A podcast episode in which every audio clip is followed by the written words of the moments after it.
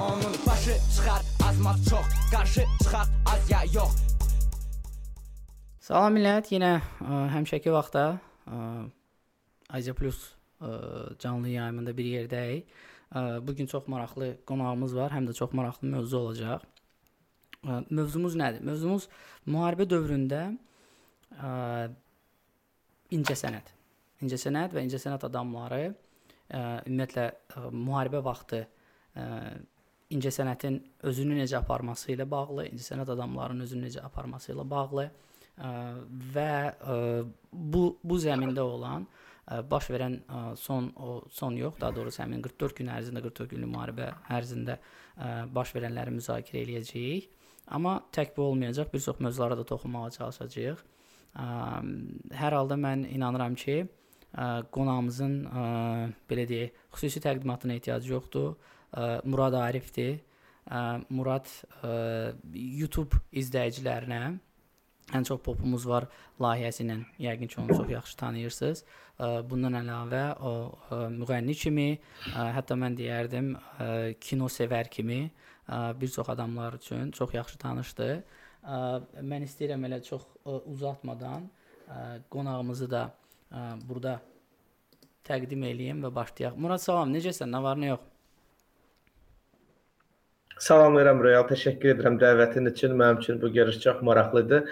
Ümidvaram ki, ən əsası ə, e, bizi izləyən və dinləyən insanlar üçün bir qazanc olacaq bizim ünsiyyətimiz. Bəlkə nəsə götürdülər hmm. özləri üçün. Buna xüsusilə çalışmaq istəmirəm. Çünki hmm. çalışanda həmişə pis alınır.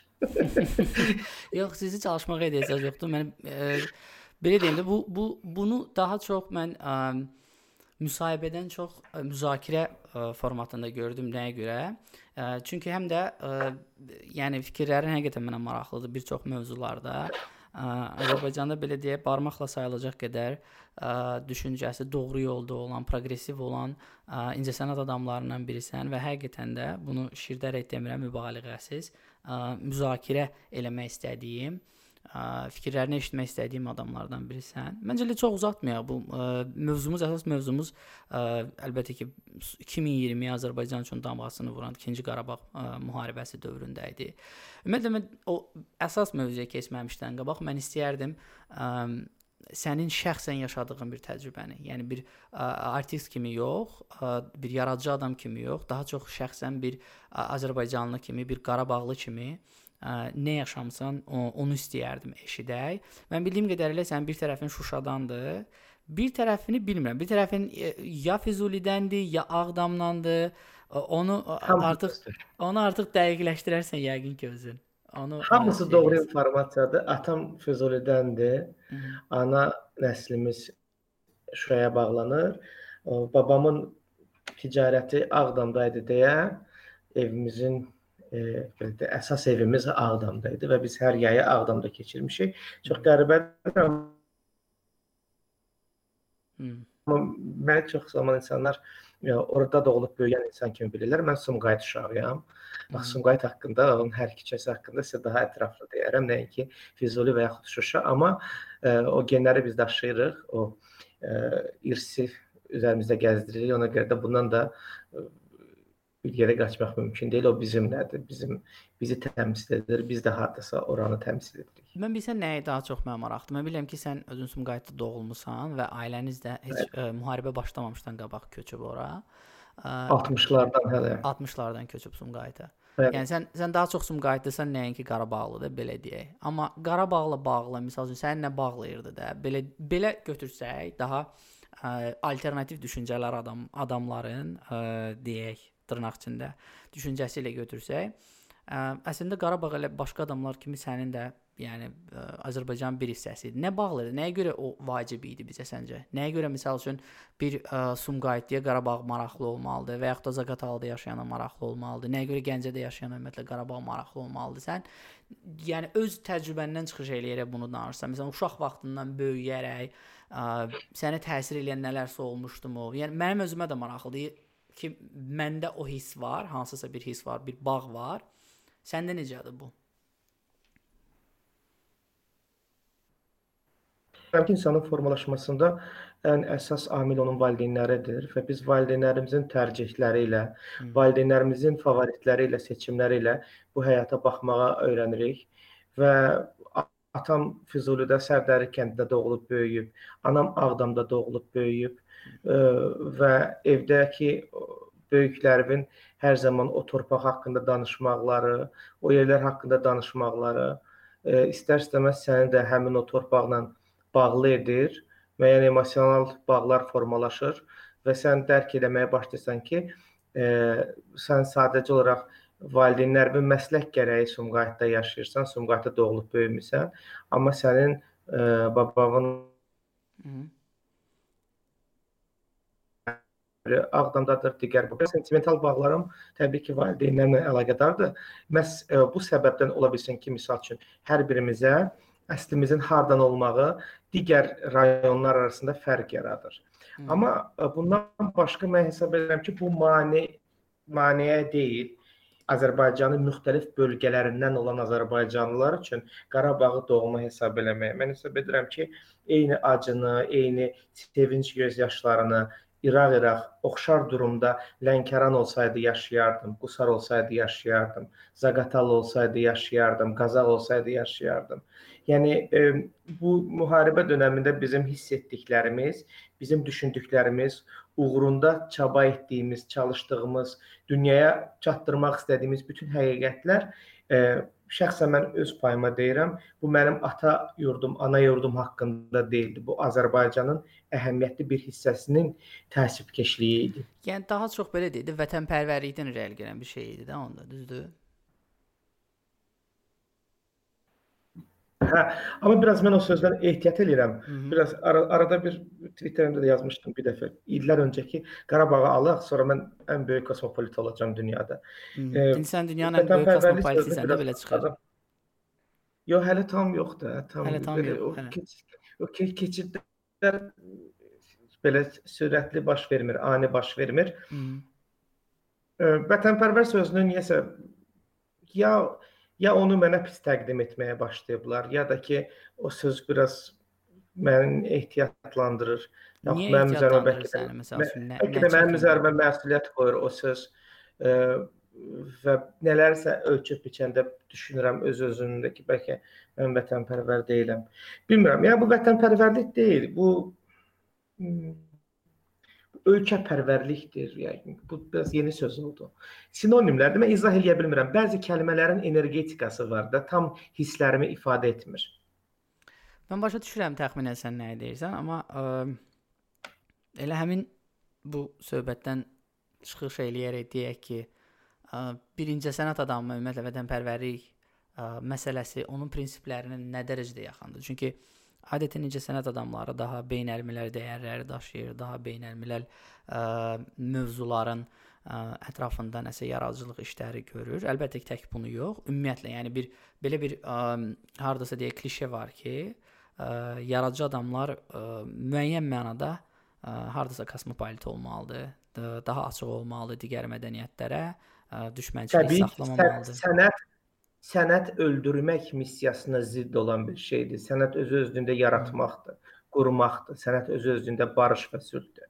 Mən çox gözəl anladım bu sualı. Bilmirəm izləmisən yoxsa yox. Hı -hı. Eyni bu sualı qonağım Ayaz Salayev olanda ünvanlamışdım ki, Hı -hı. yaradıcı bir insansınız, rejissorsunuz və eyni zamanda hərb çağırışları edirsiniz. Burada çox bir incə bir xətt var. Mən anlaya bilmirəm də nə qədər doğrudur. Hı. Öz külfətini, ailəsinin mühafizəsinə qalxmalıdır yoxsa yox? Hı. Yaradıcı insan evinin talan olmağına göz yummalıdırmı? Yəni mənim evimə basqın edən quldurlar da insandır. Onları da bir ana doğub. Qoy mənim min bir əziyyətlə, barmaqlarımın qabarı ilə qazandığım hansısa bir 100 manatı, 200 manatı gözümün qabağında daşısın, getsin. Hələ bir çıxanda da e, hansısa bir əzmə, doğmama bir qulağım vursun, çıxsın, getsin. Və mən də durum gəl, baxım. Gəl konkretləşdirək də, məsəl üçün Ayaz Salayev. Hə, mən konkretləşdirmək istəyirəm də. Bəli, mən elə o, o mənim fikirlərimdir. Bu Ayaz bəyin dediyi sözlər deyil. Ə, əgər Azərbaycana ev kimi yanaşsaq, o zaman yaradıcı insanın da vətənpərvərlik hisslərini anlaya bilərik. Əslində ən çətin məsələ budur. Bir çox insanlarda mənə elə gəlir ki, bu yanaşma yoxdur.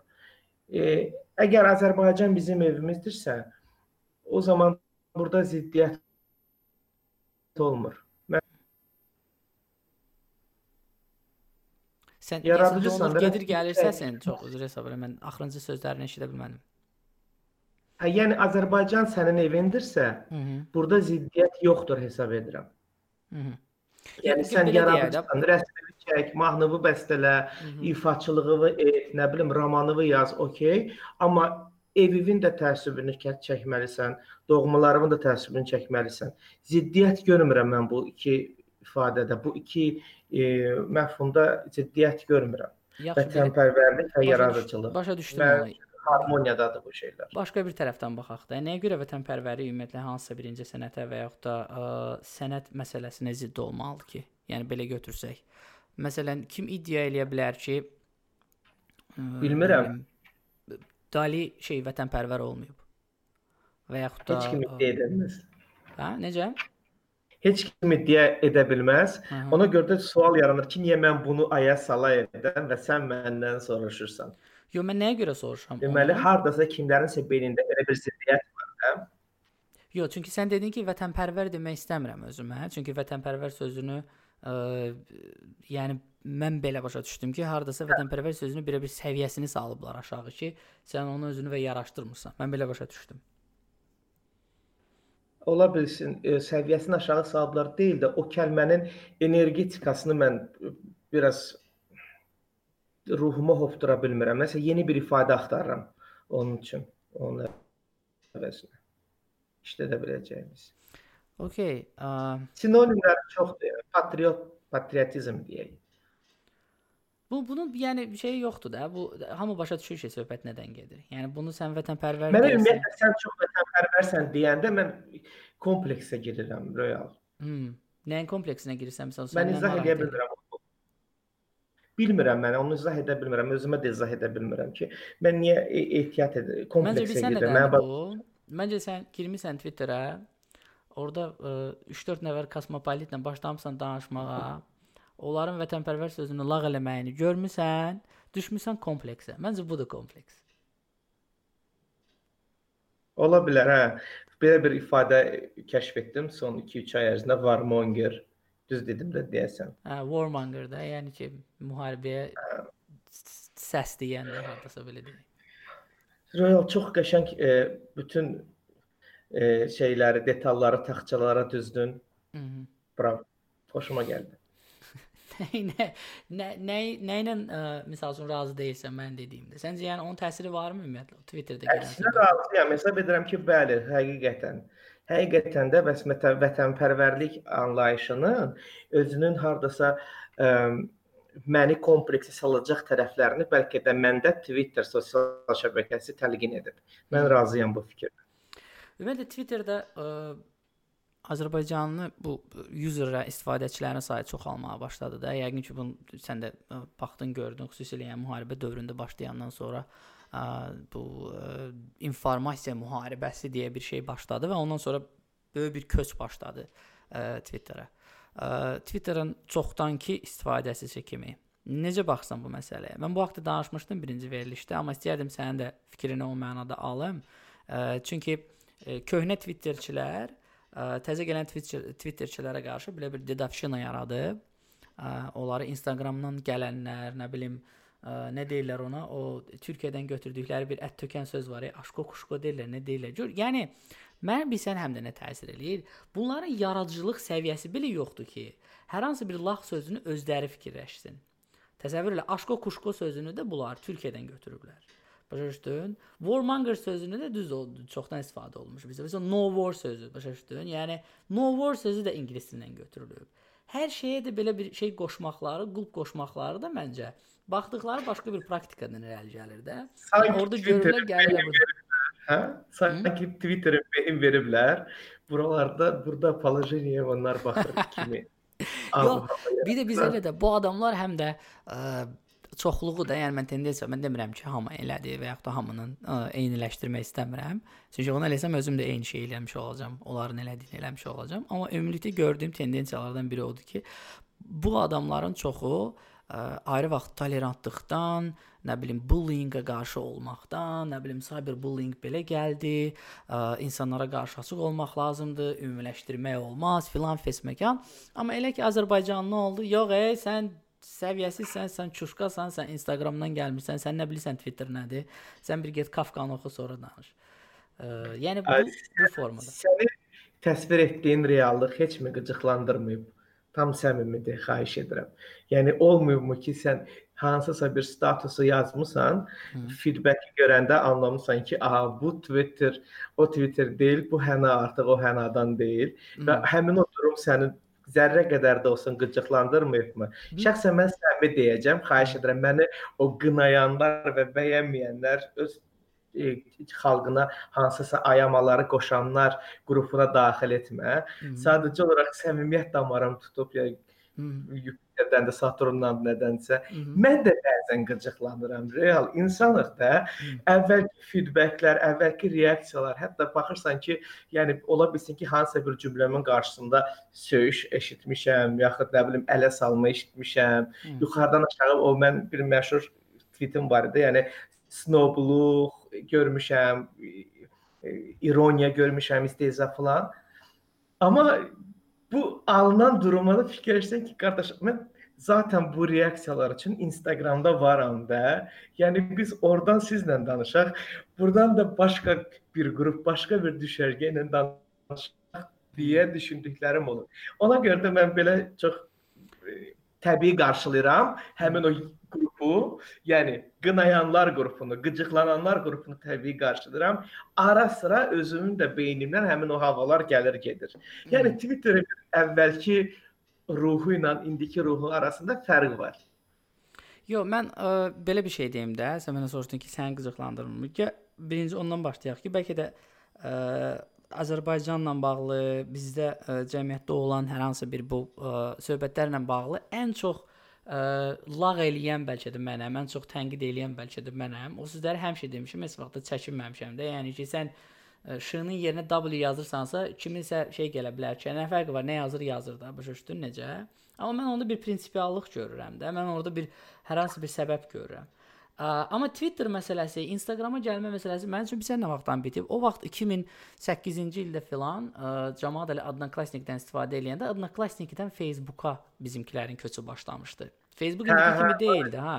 Yəni eyni, Facebook eyni, eyni situasiyada çox əla müqayisədir. Hə, yəni mən onda artıq başa düşdüm ki, sən proqresin qabağını ala bilməzsən sən kütlənin, yəni kütlə deyəndə mən o, o gedən bir cərəyan var da, axın var. Onun qarşısını ala bilməzsən. Sən eksklüzivlik yarada bilməzsən heç bir sosial mediada. Əgər o onun deyilsə, tək ki proqres olsun da. Məsəl üçün mən bir e, dövlət xadimi, bir çox dəyərli bir insanın adını qeyd etdim, dünyasını e, dəyişmişdi. Allah rəhmət eləsin. E, və o alınan feedbacklər insanın adaşı ilə onu səhv salıblar. Ay ürəyim düşdü. Yaxşı ki o getməyib dünyadan. Yox, açıq dünya... denəndə Hikmət Hacıyevdən, Hikmət ə, e, Hacızadədən. Hacızadə. Hə. Məni hətta çox qınadılar ki, e, sən diqqət qazanmaq üçün bu şəkildə yazmısan, amma real e, Vallahi billahi nə deyim? Yəni həqiqətən də səhər tezdən açdım lentamı və izlədiyim insanlar da elə eyni ilə bir cümlə ilə qeyd etmişdilər ki, belə bir insan itirdik, Allah rəhmət eləsin. Mən bilmirdim ki, mən orada e, hansısa bir bioqrafik məqamları, yazdığı kitabların adını qeyd etməli idim ki, məni tam anlasınlar. Və o reaksiyalar da mən o ən çox həmin gün, ən çox həmin gün o qıcığı yaşadım. Ona dək hər şey okey idi. Ona dək o auditoriya ilə, o kultura ilə ziddiyyətim yox idi.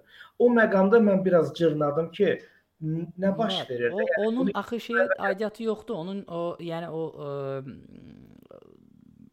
Twitter istifadəçi və yaxud Instagram istifadəçi olmağının onun o qədər də önəmi yoxdur da. Yəni o insan sadəcə xəbərsizdir. Onun xəbəri yoxdur. Mən Xəbər demirəm ki, bu yaxşı bir şeydir və yaxud da nə bilim, ol olmamalıdır ümumiyyətlə xəbəri. Sadəcə onun xəbərinin olmamağı ə, Twitterdən asılı olan bir şey deyil axı. Sən onu Instagramda da paylaşsaydın, sənə yazacaqdılar ki, yəni Bəli. kimdir də Hikmət Hacızadə. Bəlkə də bu Ona bizim görə yeni nəslin yazdım. Ona görə yalnız Twitterdə yazdım və Instagramdan gözlənilən reaksiyaları gördüm. Başa düşürəm. Yəni o, olsun da Instagrama niyə bölürsən? Bu adam eyni adamdır. Yəni bu Instagramda da açsa da eyni olur, Hə, Twitterdə açsa da eyni olur da yəqin ki. Nəysə biz biraz mövzumuzdan uzaqlaşırıq. Ə, bu behi verməmişəm. Odur ki, azad platformadır. İstədikləri kimi davransınlar. Hə, kim nə kim nə yazır yazsın, kim istəyir, nə bilim, ə, orada qızlara podxod eləsin, ə, şey allığından, ə, kommunizm adı ilə, kim istəyir, nə bilim, ə, vətən millət ə, Sakarya deyirlər də ona, onunla bir Və bir də hakim kimdir bütün bu məsələlərdə? Yəni hakim kimdir ki, insanlar 100%. Yəqin ki, kim nə istəyir yazır, özləri bilər, özləri də ə, nə eləyir eləyər. Mən istərdim ə, m- mövzumuzun başqa bir tərəfinə keçim. Sən həqiqətən də aktiv istifadəçisisən. Ə, və o müharibə dövründə məsələn Instagramda çox aktiv oldum. Mən Instagramdan ümumiyyətlə istifadə eləmədim həmin dövrdə. Ə, Daha çox Twitterdə lazım olduğumu düşündüm deyə ora yönəlməyə başlamışdım da, belə deyək. Sən e, Instagramda cavab verirdin və ə, daha çox rus dillilərlə mübarizə, ru- rus dilli ə, deyəndə Azərbaycan rus dillərini nəzərdə tutmuram. Ümumiyyətlə rus dilli media olsun, rus dilli ə, jurnalistlər və ə, ictimai adamlar olsun. Onlarla məsələn mübarizə aparırdın. Bəli. Nə təəccübləndirdi səni? Məsəl üçün elə bir şey oldu mu ümumiyyətlə təəccübləndirən bir şey oldu mu səni? Həmin dövr ərzində. Bu ermənilərlə bağlı ola bilər, ermənilərlə bağlı olmaya bilər. ən çox təəccübləndirən Mixail Galusyanın mənim yazdığım ə, şərhə cavab olaraq məhz direktdə mənə ə, cavablandırmağı oldu. İnboxdan mənə bir mətn yazdı ki, bəs görürəm adekvat bir insan, adekvat və mədəni bir insansan. Gəl polemikamızı burada yaradaq. Mənim də vaxtım var. Vaxtım varsa, Hı ə, o bir sülh çağırışı etmişdi Mixail Galusyan. -hı. Mən də böyük bir mətn yazmışdım ki, bu riyakarlıq da da indiki durumda sülh çağırılışı Azərbaycanı işğalla razılaşdırmaq deməkdir. İşğalla barışmaq, barışdırmaq deməkdir. Və bu məni ən təəccübləndirən məqam odur ki, e, Rusiyanın ən populyar yumoristlərindən birisən. Bu bir. İkincisi, Rusiyanın ən populyar simalarından birisən. Bu iki. Üçüncüsü, Rusiyada erməni propagandasının ən nümunəvi simalarından birisən və sən bəhs etdiyin problemin incəliklərindən bu qədər, bu dərəcədə xəbərsizsən. E, mən informasiyalar paylaşırdım ona, izahlar verirdim ki, bax, filan il bu baş verib, hər şey heç də Sumqayıtdan başlamayıb, əgər müasir tarixi götürürüksə. Bəlgələr göndərirdim, abzatslarla copy pastelər göndərirdim. Tanış etməyə çalışırdım. Söhbətimiz onda bitdi ki, mən e, sənə və sənin xalqına baş sağlığı verirəm. Qırğınların belə qırğınlardan xəbərim yox idi. Orada Xocalı görüntüləri falan da var idi. Mən sonuçda bir artistəm və mən dünyada sadəcə olaraq barış görmək istəyirəm. Sənin ən, Ermənilər. ən çox yaşadığın burada şey nə idi? Sorry mən ə, buraxdım. O Vurğuladığım birincisi o oldu ki, ə, normalda belə insanlar heç adamın ə, adama reaksiya vermirlər də. Bu lavasitə sən, mənə sən, direkt sən, sən hesab edirsən ki, yəni Galustyan ə, hansısa nə bilim yüksək super ulduz ə, kalibrındandır, yoxsa necə? mən hesab edirəm ki, bu adamlar adətən inboxa falana müraciət edib nəsə yazmazlar. Yazmırlar. Hə, yəni Bir o qayda yaxşı mənada təəccübləndirdi ki, Galustyan dialoqu açıq oldu. onun öz mahiyyətini böyütmək istəmirlər. Sadəcə bir qayda olaraq bu adamlar özləri Instagramlarını idarə etmirlər. Bu bir. İkincisi, əksəriyyətinin ümumiyyətlə vaxtı yoxdur belə xırdalıqlara. Çünki o ölkələrə baxın, ölkənin miqyasına baxın, izləyici sayına baxın. Bu şeylər var da. Bu ona görə gözlənilməz oldu. İkincisi, ümumiyyətlə onun tonu gözlənilməz oldu ki, bu belə bir e, dostca sülhpərvər bir təbirlə mənə yazdı. Mehriban bir şəkildə diskussiya etmək istədi bu mövzuda. Və məlum oldu ki, o mövzuda hansında ki, onun anlayışları elə də çox deyil. Həmçinin onun da elə bir dolayısıyla belə bir fikir bildirmişdi ki, biz e, bir qrup olaraq, nə bilim, dostlarla bu paylaşımları edirik ki, regionda sülh bərqərar olsun. Bu lap Cardi B-nin söhbətinə oxşadı da. Hı. Mən deyir yazmamışam, babam yazıb göndərib filanı misalı. Bu e- eyni ana eyni situasiyadır da. Yəni hardasa WhatsApp qrupları var, məşhur ermənilər ibarət belə yazılmış şey deyil. Çünki Gəl aşağı bu yuxarı oxşar danışmışkən şeyə keçək istəyirsən. Məsəl üçün, ə, Sonra sonra ə, təəccübləndirməkdən danışırsansa, həyasızlıq təəccübləndirdi təbii ki. Həyasızlıq təəccübləndirdi. Məsəl üçün Vargonza kanalının həyasızlığı olsun, Bağdasaryanın həyasızlığı olsun. Çox qəribədir ki, Rus mediasında biz bu Vargonza adamların çoxdan propaganda çıxışlar- Yəni onun heç elədiyi məni o qədər təəccübləndirməmişdi açığı. Mən mənə təsir yəni edən kütləvi kütləvi formada isterika idi və həyasızlıq idi ermənilər tərəfindən. Yəni ən çox eləmişdi. Amma mən istəyirəm başqa bir məqama toxunaq.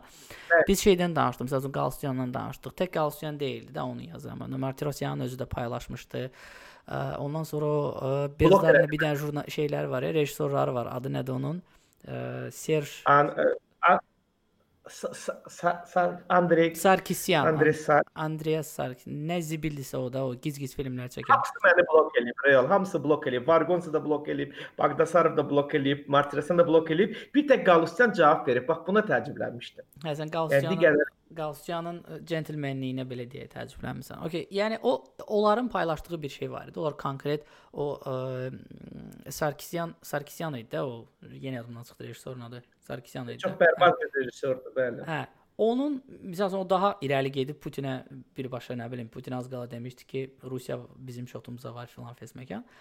O onların fonunda, onların isterikasının fonunda bir də bizim elədiyimiz bizim ə, diaspora olan artistlərimiz var da. Söhbət ə, Baxtidən gedir, söhbət ha, Hamalidən gedir, söhbət Navaidən gedir, söhbət Rauf Faiq cütlüyündən gedir, söhbət ə, adını bilmədiyim milyon dənə ə, bizim yerli reperlər olsun, hansı musiqi. Johnny var məsəl üçün orada, Elman var, yadıma düşdükcə deyirəm.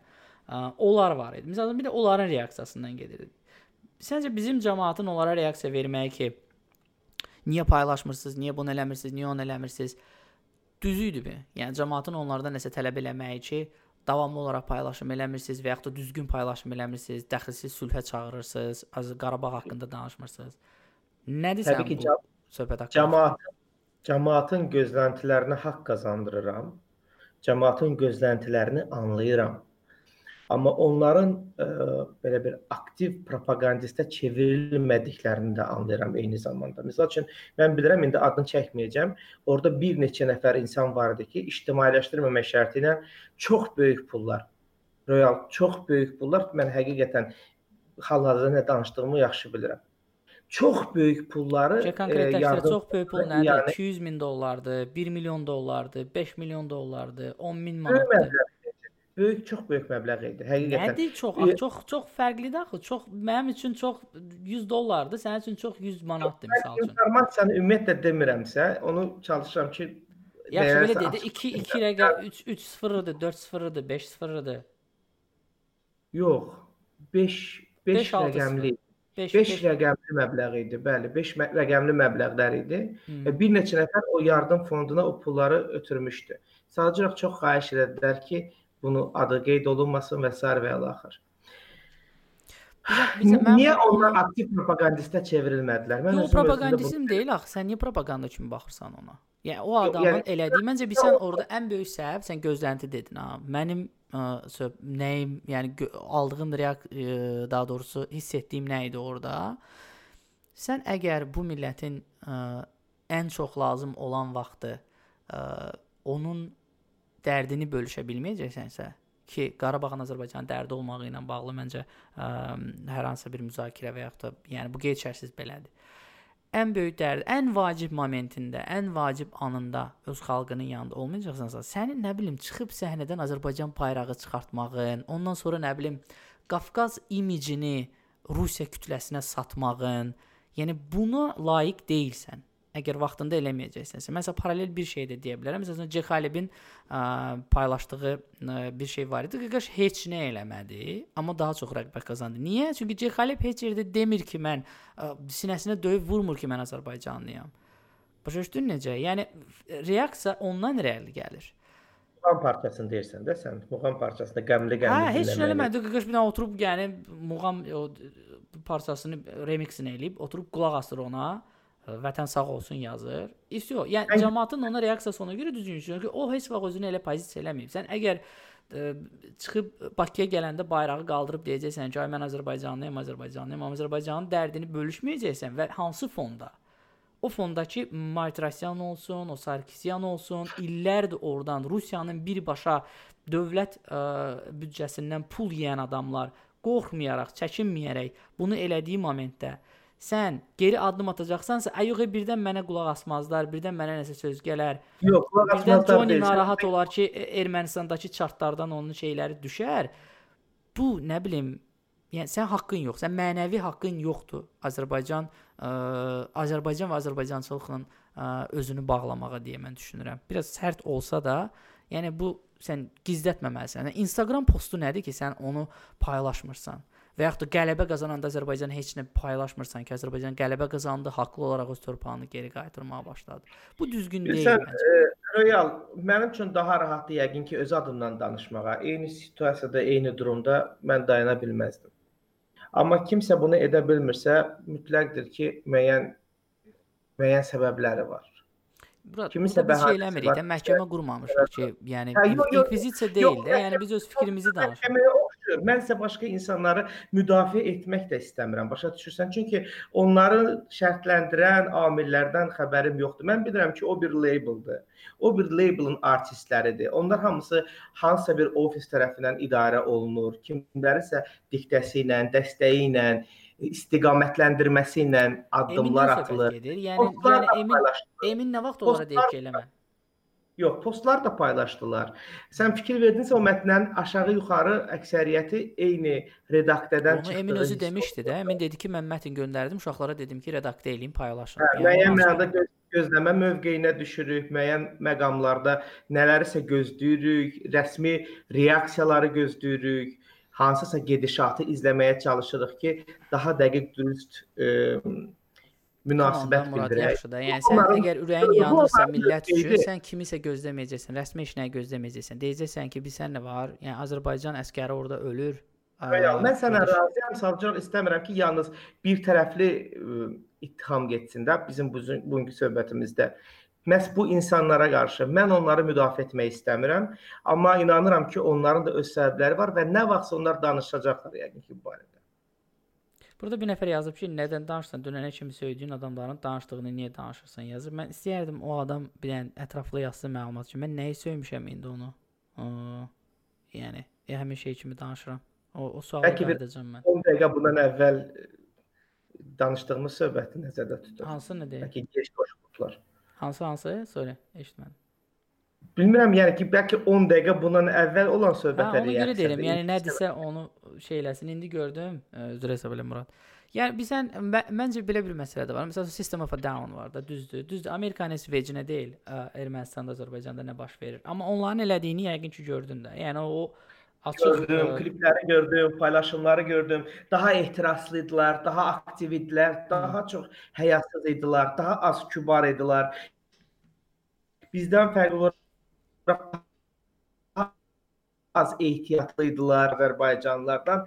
Eyni çevikliyi, eyni operativliyi, sözün ən yaxşı mənasında eyni əm, yəni izləyicilərini bu mövzuda bezdirməklərini gözləyirdim. Eynilə sənin kimi. hı. Sadəcə olaraq sən bir qənaətə gəlmisən bu bu barədə və artıq ittiham mövqeyindəsən.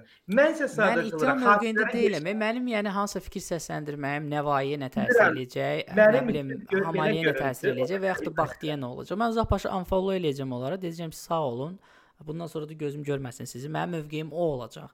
Yəni mənə təsir mənə e, şey eləyən məsələ o idi ki, yəni bunun iki tərəfi var idi də. Yəni bunun tərəfini saxlayanlar da var idi ki, başa üstünə düşməməliyik. E, ikinci tərəf də var idi ki, yox da düzgün eləmirlər.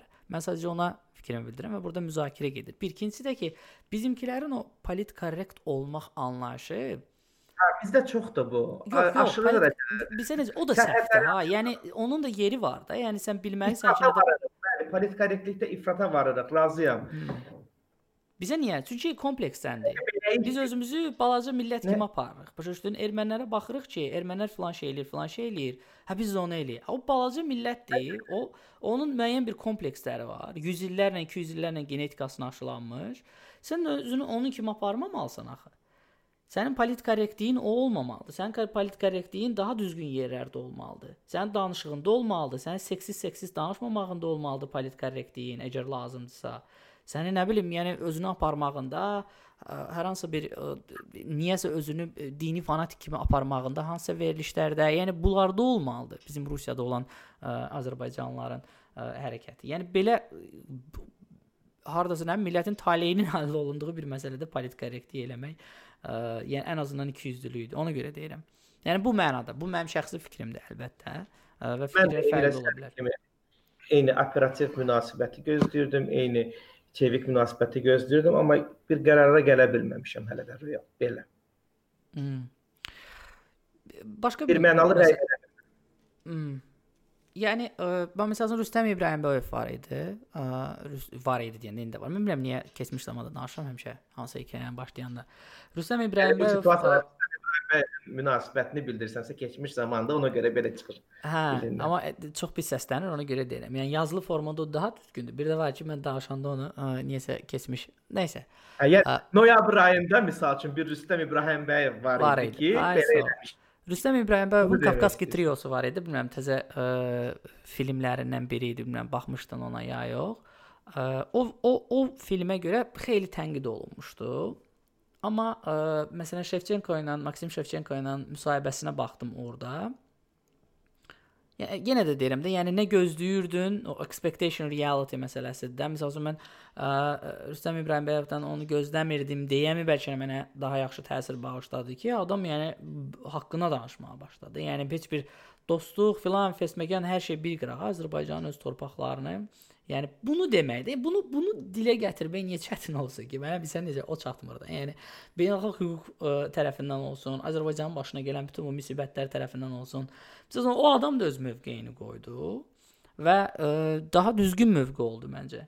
Nəinki səbəblərdən biri bu ola bilərmi? Məsəl üçün erməni lobbiçilik daha güclüdür daha səfərbər olub öz məşhurlarının mühafizəsində.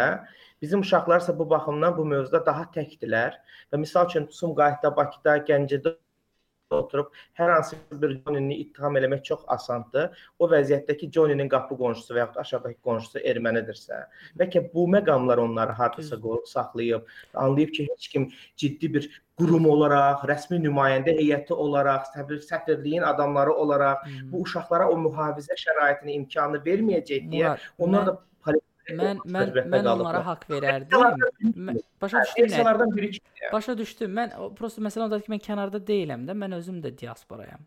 Mənim qapı qonşum ermənidir burada. Başa düşdün necə? Mən ömrü boyu Odessada böyümüşəm. Bəlkə də SNG-nin ən Sən e, Amerika Birləşmiş yoxsa Kanada? Yox, Amerikada, New Yorkdayam mən.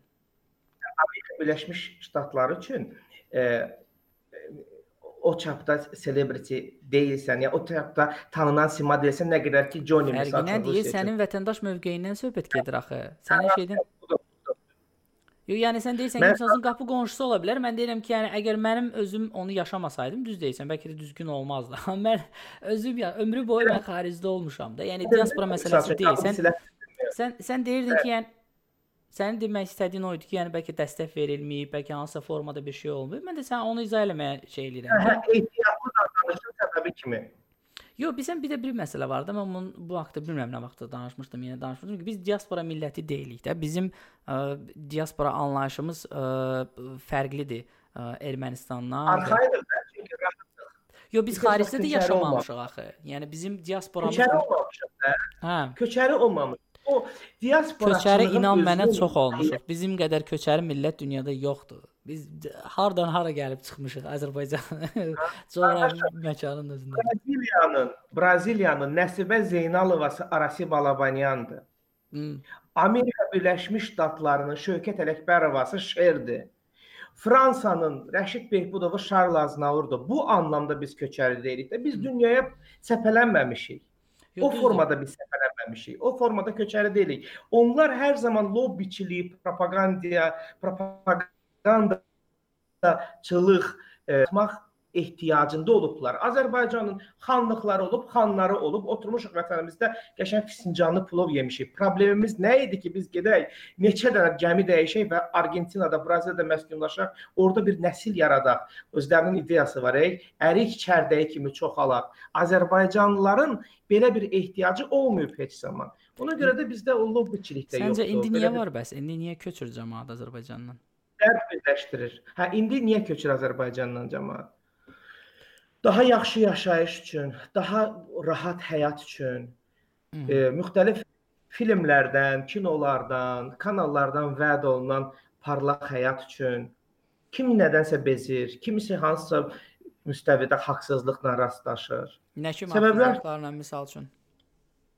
Haqsızlıqlarla həm, həm fərdi anlamda ola bilər, həm iş anlamında ola bilər. Kimisi misal üçün 6 il, 8 il tibb təhsilindən sonra məcburdur şəxsi keyfiyyətlərindən Hı -hı. dolayı rüşvətsiz, məvacib axtarmadan həkim maaşı ilə dolanmaq istəyir, tutalım. Elə? Hı -hı. İldə 2 dəfə uşaqlarını səyahətə aparmaq istəyir. Rahat, lüks demirəm, rahat bir maşını idarə etmək istəyir.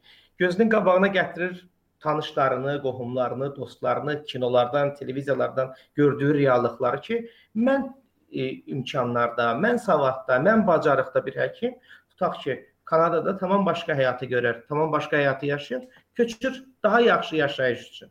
Bu Azərbaycan deyil, bu Sovetlərdən başlayan bir şeydir. Sovetlər dağıldı, ölkə dəngə tapa bilmədi, bir rels tapa bilmədi və bütün bu ölkələrdən insanlar dağılışdı. Özbəkistandan da oldu, eyni şey Qazaxıstandan da, Gürcüstandan da. Bilsən, bu bu bu yaxşı məqamdır əslində bizim toxunduğumuz məsələ. Həm diaspora məsələsi, həm ölkə daxili ə, sən dediyin hər hansı bir haqsızlıq olsun. Məsələn, elə məqamlar, ə, səncə elə məqamlar oldumu ki, məsəl üçün sırf ölkədəki hər hansı bir demokratik ə, çatışmazlıqlar, yəni demokratik insan hüquqları ilə bağlı olan çatışmazlıqlar olsun, hər hansı bir problemlər olsun, demokratik ölkənin ə, yəni ölkə yolunda gedən Azərbaycanın o problemləri olsun. Ə, Bunlar səncə xüsusilə beynəlxalq mediada ə, nə dərəcədə çətinliklər yaratdı? Məsələn, Azərbaycanın sırf bu müharibədə özünün haqlı olmağını göstərməsi baxımından. Beynəlxalq mediada hansı çətinlikləri yaratdı? Hmm. Və məsəl üçün ermənilərin dediyi bir şey var idi ki, Azərbaycan hamısı da eyni ritorikanı təkrar edirdi. Azərbaycanlılar ümumiyyətlə Qarabağı istəmir. Bu ə, İlham Əliyevin propagandasıdır, dövlət propagandasıdır. Ə, cəmaətin beynini yuyurlar. Azərbaycanda tipi brainwashing gedir. Ə, və yanlış çox sarsaq bir düşüncə idi. O, yalnız ermənilərə sərf edən bir fikir idi. Hı. Tək bu deyildi axı. Məsələn, ə, sən bilmirəm gördün ya görmədin vəziyyət necə olursa olsun ermənilər həmin o mövqedən çıxış edəcəkdilər. Yəni. Ya erməniləri qoyaq qırağa da, mən məsəl üçün misal üçün gətirim. Jurnalistlərdən götürək. Məsələn İlham Əliyevə verilən sualların bir neçəsi heç Qarabağ müharibəsinə aidiyyat deyildi də. Yəni adamdan elə bir ki tələb eləyirdilər ki, bəs səndə niyə belədir vəziyyət, bəs niyə belədir vəziyyət? Bu belə bir şey var idi. Onun onun misal üçün səncə təsiri varmı ümumiyyətlə elə bir şeylərin? Yoxsa onların heç bir gördük ki, mənası yoxdur. Nə qədər Human Rights Watch, Amnesty International Azərbaycanla bağlı bağladığı bütün o hansı hesabatların heç bir mənası yoxdur.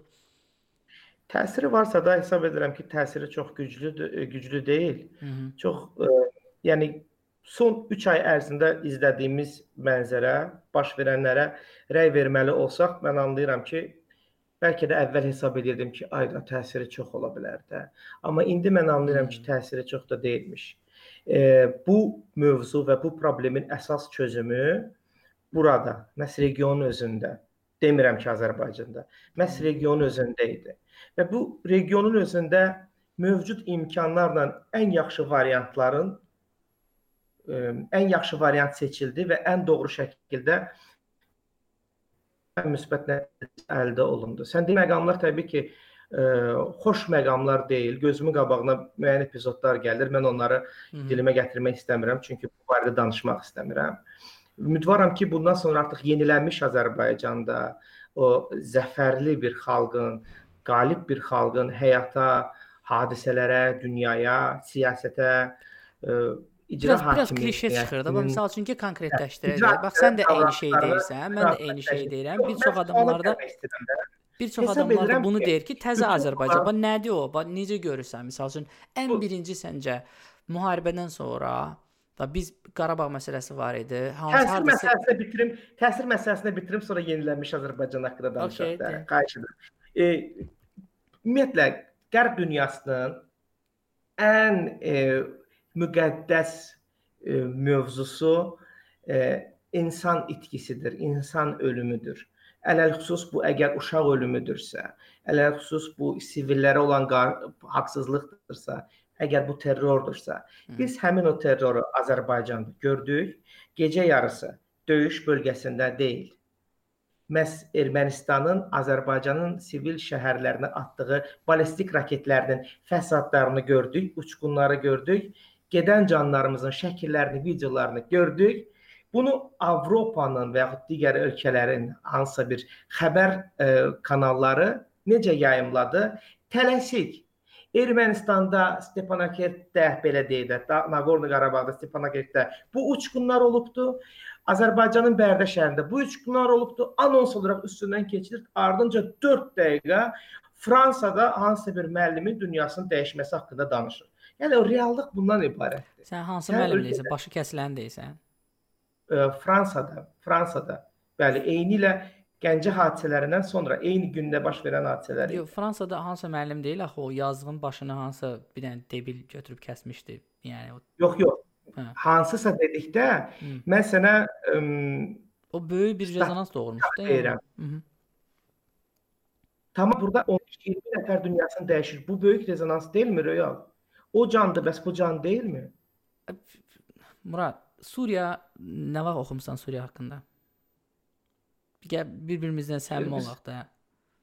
Nə qədər nə nə Yox, gedir? aydın orada? məsələ. Aydın məsələdir. Bəs mən ikili standartdan danışırıqsa, sən də Bu ikili standart deyil, ya, məncə. Bu bilsən nədir? Kiməsə maraqlı, kiməsə maraqlı deyil.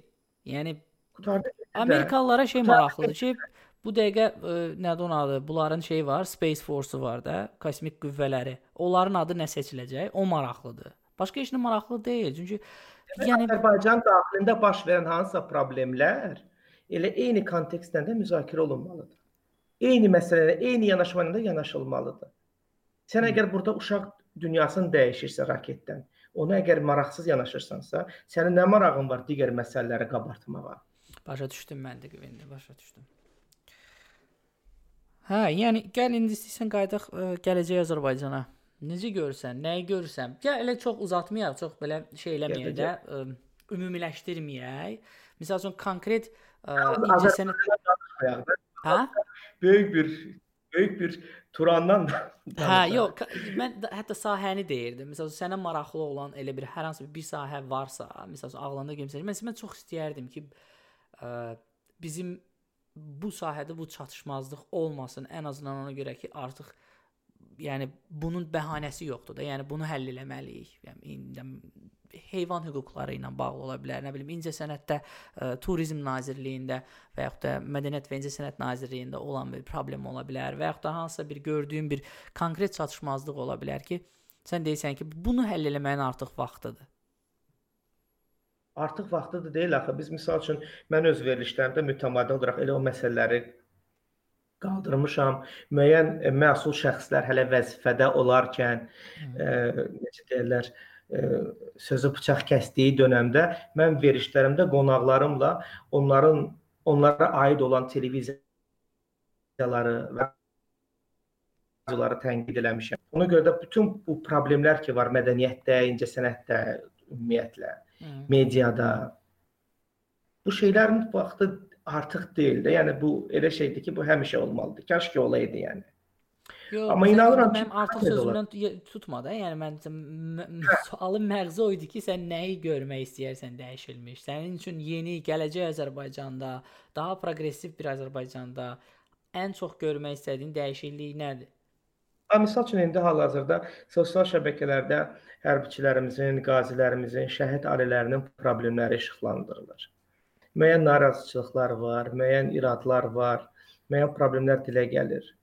Bax kənardan dayanıb adam həqiqətən rəy də verə bilmir. Mən çox gözləyirəm ki, yeni paylaşımlar, yeni videolarda bəli, getdik, tapdıq o əskəri, danışdırdıq, dərdi nədir, həll eləməyə çalışdıq. Burada bu problem varsa bunu həll elədik. Kim eləməli şeylərə- səncə onu?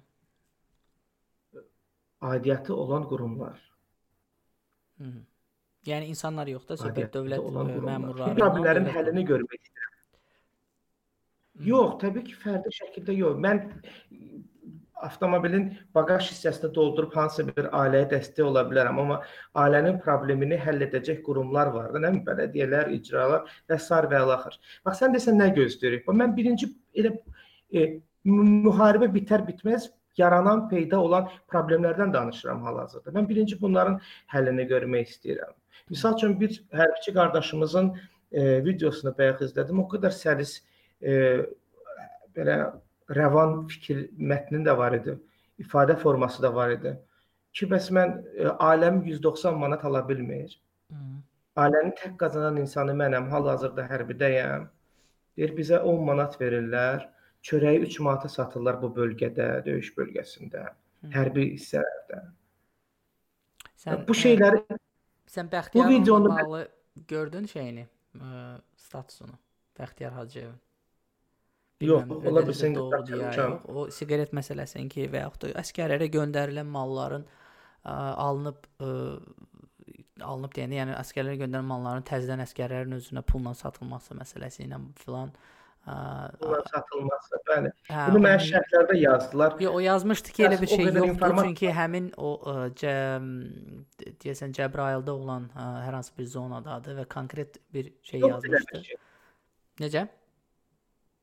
Deyib yoxdur elə bir şey. Yəni Deyir, yanlış yəni məlumatdır. yoxdur o alıb satılmağa. Mən bilmirəm nəyə görə deyir. Hamı elə bilir ki, elə bir şayiə yazılıb ki, orada onu satırlar, amma onlar deyir özümə biz orada olmuşuq. Neçə dəfə deyir həmin marketdə.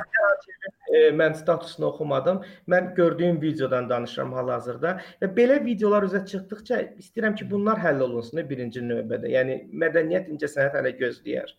Müharibə hələ yenicə müəyyən sakit mərhələsindədir. Biz bitmək- indidən indidən danışmırıq axı Murad. Mən gələcəkdə gələcək Azərbaycanda görməyi istədim. Əlbəttə ki, bu dəqiqə bu dəqiqə əgər prioritet qurası olsaq, mən də səndən razıyam ki, hazırda ə, yəni əskərlikdə ə, d- yəni əlini itirən, ayağını itirən, görmə qabiliyyəti zəif olan adamlar var ki, bu dəqiqə, bu saniyə, hər heç hər itirilən saniyə onlar üçün həyatında çox böyük rol oynayacaq. Onların ə, xəstəxana ə, düzgün xəstəxanalara yönləndirməyə, düzgün peşəkar ə, həkimlərə Və yönləndirməyə. eləcə də bu saniyə onlara göstərilən qayğı, bu saniyə Hı. operativ şəkildə onların e, hardasa m, bir iradına, hardasa bir incikliyinə göstərilən müsbət həll reaksiyası Hı. mənim üçün sənin sualına cavab verməyə imkan yaradır. Başa düşdüm. Bu məsələ həll olunsa, mən mədəniyyətin də, medianın da, heyvan hüquqlarının da, bütün bu xırdalıqların hamısının müsbət tərəfə dəyişəcəyinə bir vətəndaş olaraq inanmağa başlayacağam. Amma ümumilikdə e, təsəvvürlərim belədir ki, nə də olmasa e, zəfərli xalq, qalib bir toplum özü özündə havalı olur Hı -hı. öz güvənli olur.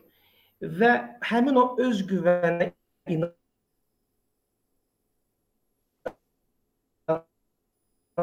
mən əldə gəş olacaqçılıq 8-ci dərəcəli məmur özbaşınaçılığa şahid olmayacağıq. Bu qədər. Ə, yaxşı, əgər bu mövzuya girmək istəsəniz girək. Allah səndən razı olsun. Ümumiyyətlə pəhrizimdə çoxlu su içmək lazımdır. hı -hı. Mən də ancaq danışdıqca su içmək ehtiyacı yaradır mənə. Bu günləri hər şey super. Danışaq, danışaq. Ya sən nə edə bilərsən şəxsən bir vətəndaş kimi və yaxud da vətəndaş kimidən də əlavə bir ictimai fiqur kimi belə deyək.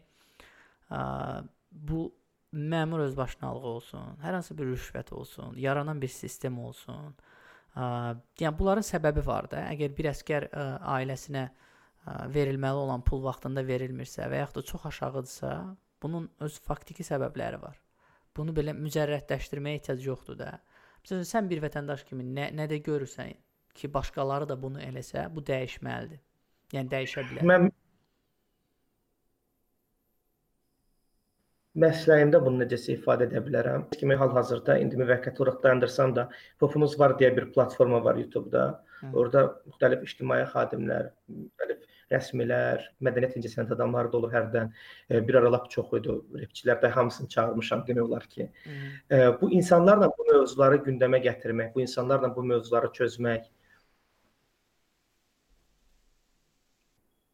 Səsin kəsildi yoxsa sözünü qurtardın sonra? Mən nəsə gedir gəlir arada səsin mən eşidə bilmirəm. Sosial şəbəkələrə şəbəkələrdə nəyisə ifadə etmək, nəyisə repost etmək, məgər ki bu edə biləcəyim şeylər bunlardır. Okay. Okay. Yəni ə, sən deyirsən ki, müharibənin hələ də ə, izləri var. Biz onlara köklənməliyik. O, o məsələləri həll etməliyik hər şeydən qabaq ki, ə, sonra da başqa ə, məsələləri, başqa problemləri də həll edə bilək özümüz üçün. Mən belə başa düşürəm sənin dediyindən. Yox, hal-hazırda bir narazı döyüşçümüzün problemləri haqqında video izləyərkən mən üzrlü sayın mən görəsən Space kanalının və yaxud da ki, nə bilim, digər bir kanalın Murad, bunlar paralel ola bilən bir şeylərdir. Yəni mən mən o şey o nə bilim o collective guiltiness düşünə bilmirəm. Mən demirəm ki, düşünməlidir. Və mən də söz, sözüm ona ə, deyildi ki, yəni biz düşünməliyik artıq və yaxud da nə ə, sən bu dəqiqə düşünməlisən onu deyildi də. Mən ümumiyyətlə sualım ondan ibarətdir ki, sənin gələcəkdə gördüyün Azərbaycan, yəni nə idi? Sən indi ona elə cavab verdin ki, yəni bu dəqiqədən söhbət gedirmiş kimi çıxdı. Ə, qəbul edirəm o cavabı. Amma özgüvənli Həm də əlavə etdim ki, özgüvənli xalqın artıq öz müqəddəratını həll etmək e, havasına inanıram. Özgüvənli xalqın problemlərini dilə gətirmək imkanlarına, gücünə inanıram. Ona görə də insanlar nədənsə narazı olduqda bu barədə danışa biləcək. Mən inanıram buna. Okay. Keçək başqa bir məsələyə. Məsəl üçün bu ə, yeni ə, işğaldan azad olunan torpaqlarda hər hansı bir bərpa işlərindən söhbət gedir, istər infrastruktur olaraq, istər nə bilim hər hansı bir mədəni aktivlik olaraq və s. və əlaxır. Sən nə düşünürsən ümumiyyətlə geri qayıdıb? Çünki bu elə belə bir şey deyil də. Yəni oradan didərgin düşən 1 milyon adam var. Onların potensial olaraq geri qayıtma məsələləri var. Ondan sonra nə Qarabağın özünün bir ə, yəni yenidən doğuluşu məsələsi var da. Mən istərdim biraz da bu bu bu haqqda danışaq. Yəni sən özün də dediyin kimi, yəni Füzuli və yaxud da Şuşa sənə yad yerlər deyil. Ə, necə görürsən bunu? Mən bilmirəm indi sən istəyirsən ümumi danışaq, istəyirsən mən çox ə, maraqlıdır ki, sən məsəl üçün mədəni tərəfini necə görürsən bunu? Məsəl üçün ə, Qarabağ muğam məktəbi var, Şuşa məktəbi var, yaradıcılıq kimi. Yəni bunların təzədən qayıdışı məsələsi var, yenidən doğuluşu məsələsi var. Onlar realdır ümumiyyətlə. Gəl istəyirsən biraz bu bu haqqda danışaq bu haqqda müzakirə edirik. Bu bütün bunlar hamısı çox realdır və sən ünvanladın bu halda çox maraqlı nöqtəyə gəldi, dayandı. Sosial şəbəkələrdə hətta öz ünvanıma belə iradlar görürəm və belə rəylər oxumağa başlayıram. Məsəl üçün belə bir xəbər yayıldı ki, ə, məcburi köçkünlərin öz dədə-baba yurdlarına qayıdışı ə, bu könüllü şəkildə gerçəkləşəcək ki, mən hesab edirəm ki, bəs belə də olmalıdır.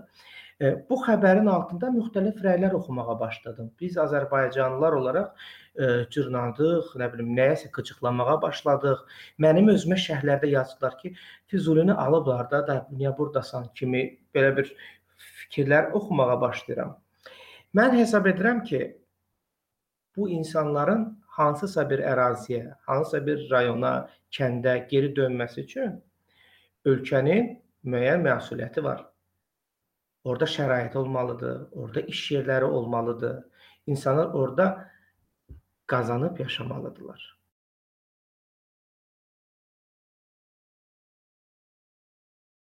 Belə bir şey də var da.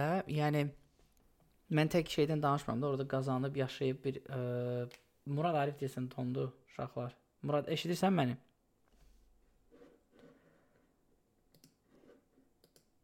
Muradı təzədən ə, qoşmağa çalışacağam indi. Bilmirəm nəyə görəsə Murad donub. Ə, Murad biz səni eşitmirik və ə, donmusan. Əgər sən bizi eşidirsənsə, necəsə mənə xəbər elə təzədən qayıdaq. Yəni o o onunla bağlı Muradı ə, təzədən indi qoşmağa çalışacağam. mən bu müddət ərzində bir başqa məsələlərə, yəni həmin məsələyə bir fikrimi bildirim. İnfrastrukturdan əlavə tək dövlətdən gözləmək olmaz bu, bu məsələləri. Nəyə görə? Çünki hər birimizin üstünə, yəni xüsusilə Azərbaycanda olan, indi diasporanın da yəqin ki, üstünə hansı bir öhdəliklər düşür. Xüsusilə ə, Azərbaycanda yaşayan ə, hər hansı bir ə, iş fəaliyyəti olan və yaxud da özünə bir biznes qurmağa çalışan, ə, bir ə, layihəsi olan adamlar ə, məncə ə, Qarabağda, yəni qayıdan ərazilərdə təbii ki, vaxt indi bu dəqiqədən söhbət getmir, amma layihələrin indidən başlansa bir fərdi ə, yanaşma da olmalıdır. Fərdi ə, həvəs də olmalıdır.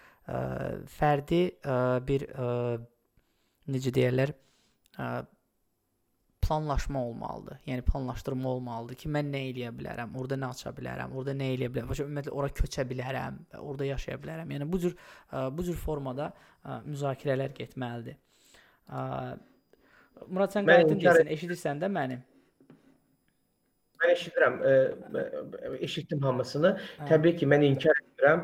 Bu fərdi yanaşmalar, iş adamlarının münasibəti və s. bütün bunlar olmalıdır, amma ilk növbədə yollar çəkilməlidir, evlər tikilməlidir, region bərpa olunmalıdır. Uzun müddət yenə də deyirəm, bu dəqiqə hazırda ümumiyyətlə minadan yığışdırmaq lazımdır. Orada o qədər mina bu dəqiqə var ki, yəni orada olan ə, məncə ə, sırf Avropa ərazisində ən çox silah sursatın olduğu yer bəlkə də o ə, neçə kvadrat ə, 1000 kilometrdir ki, o Azərbaycanın o ərazisidir ki, yəni on, orada yaşayış ümumiyyətlə düzgün mümkün deyil. Orada hər hər bir addım başı minalar var. Hər bir addım başı ə, düşən mərmilər və s. var, partlama ehtimalı olan. Yəni ondan təmizlənməli qalsa. Gələcək üçün də məsəl üçün mən çox istəyərdim ki, insanlar ümumiyyətlə ora qayıtsın.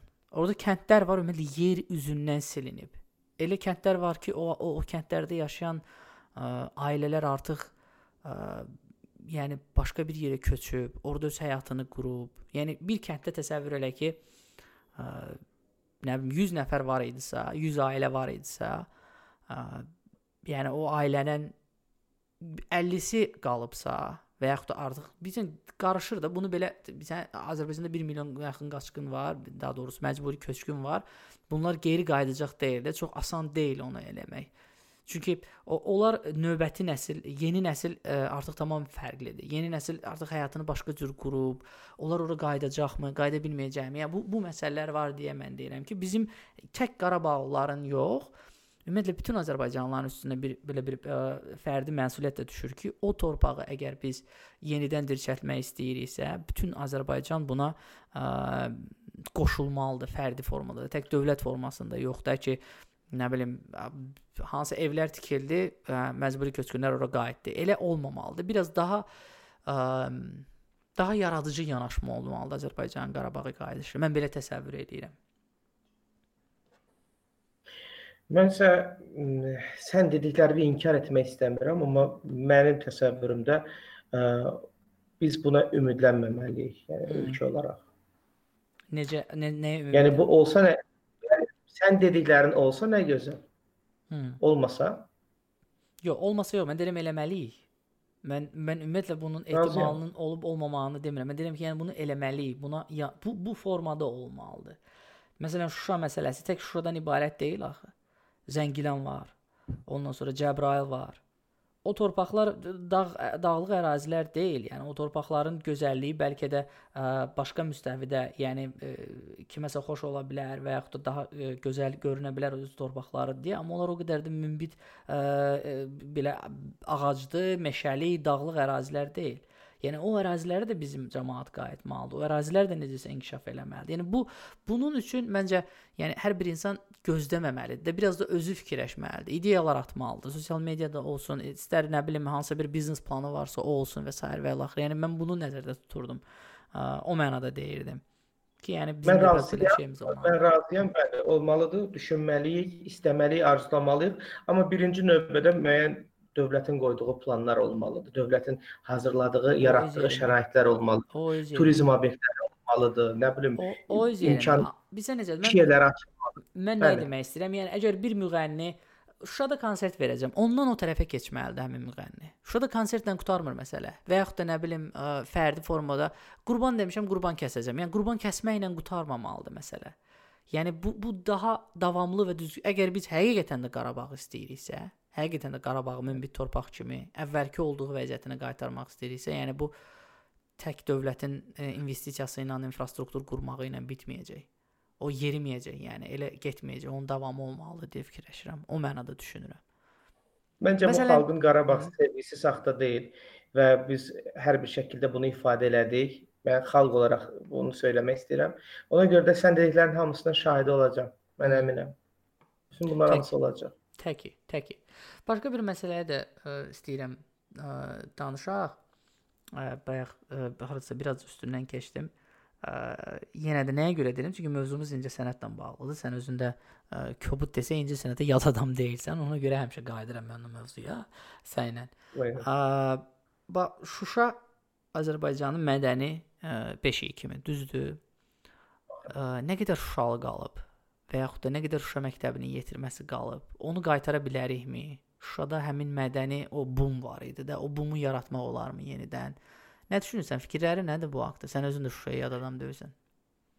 30 il ərzində ə, e, məcburi köçkünlərimiz Azərbaycanın müxtəlif şəhər və rayonlarına ə, e, məskunlaşdıqdan sonra biz ə, e, demək olar ki, nə Üzeyir Hacıbəyev qazandıq, nə Rəşid Behbudov qazandıq, nə Bülbül qazandıq.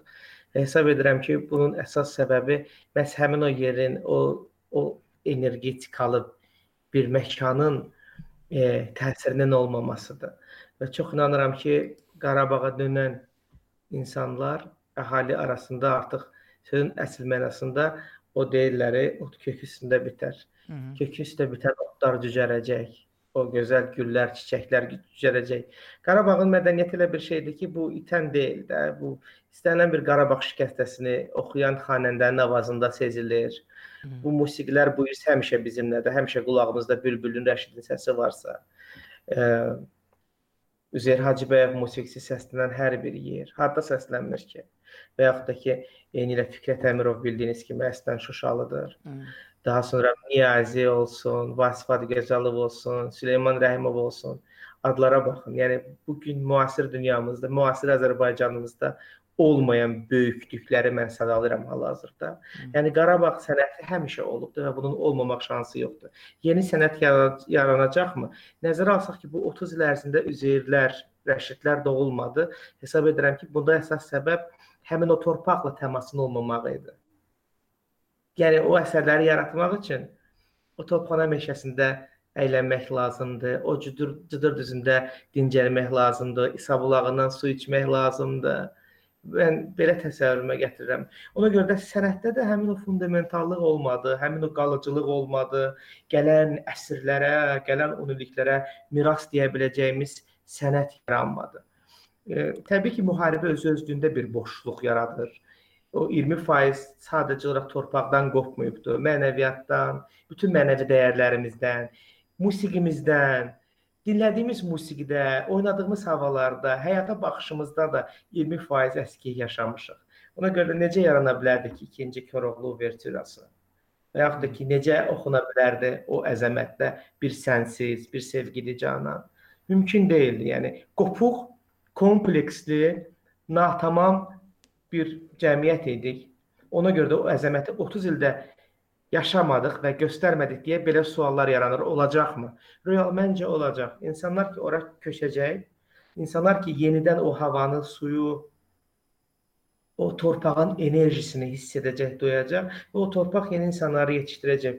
Başqa cür ola da bilməz. Çünki e, Qarabağlı gözəl erməni sənətkarları nə qədərdir ki, mən araşdırmışam onların mədəniyyətini və yaxud bu 30 il ərzində orada yaşayan ermənilər nə yaratdılar ki? və yaxud da ki bizim ən fəlsəfi belə deyək də sarı sevimiz olan muğamı bir erməni, bir Qarabağlı kimi, bir Azərbaycanlı kimi oxuya bildimi? Hər hansı bir rus kanalından, yaxud YouTube kanalından o xırdalıqları edə bildimi? Segahı hansısa bir Qarabağlı tarzən ifa edərkən sən Ramiz Quliyevin yaratdığı həmin o tükürpədici məqamları hiss elədinmi?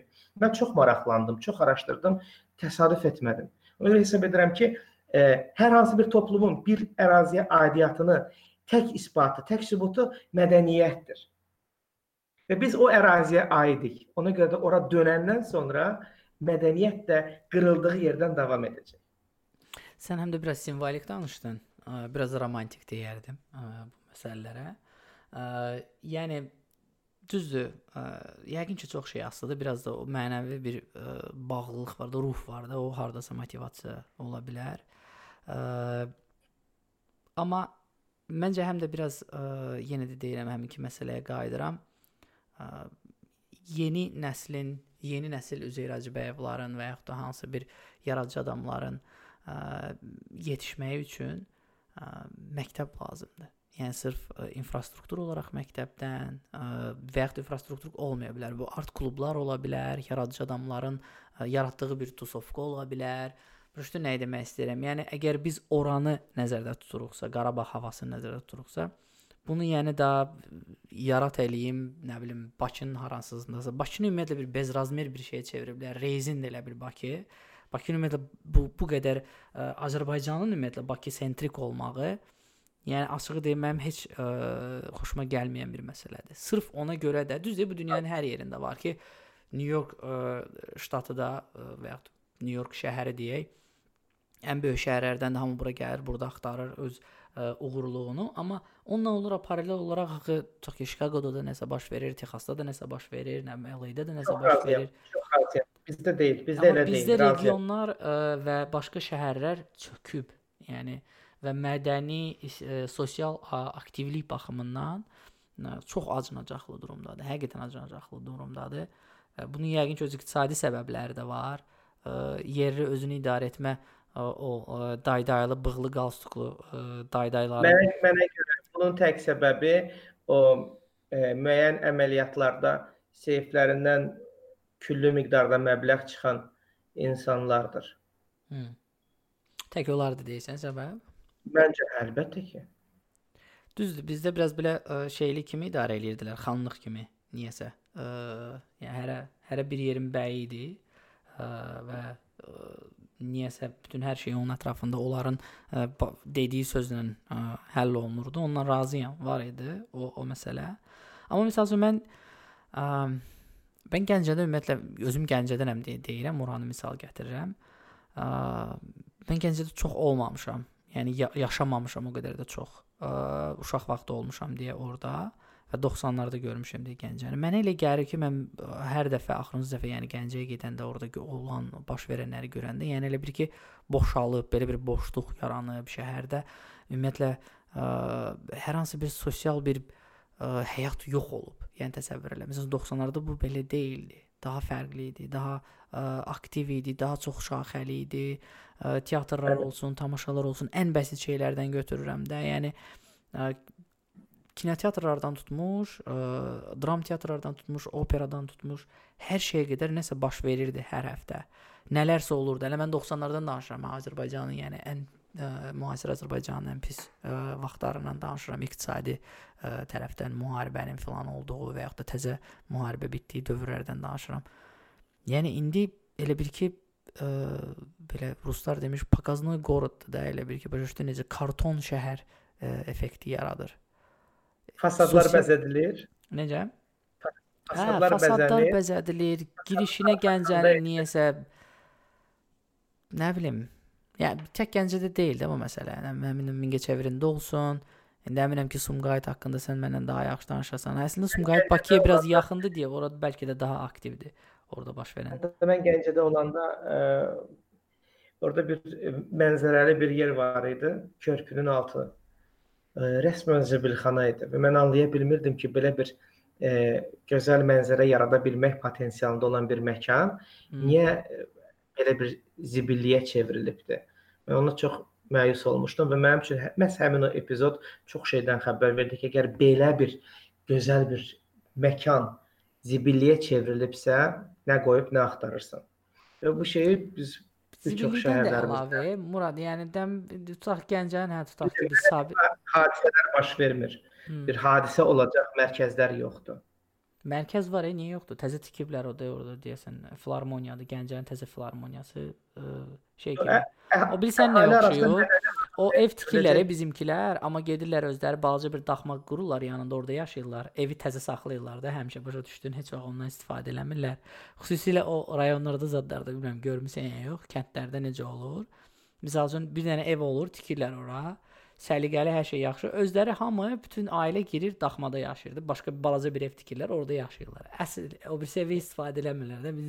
Belə bir vizual bir görüntü üçün saxlayırlar sanki onu. Ona oxşuyur həmin filarmoniyada. Orada heç nə olmayacaqsa, yəni orada hər həftə yox, hər gün orada nəsə olmalıdır. Əgər o olmayacaqsa, sən onu cəlb edə bilməyəcəksən sonra o binanın nə bilim mənası olmur.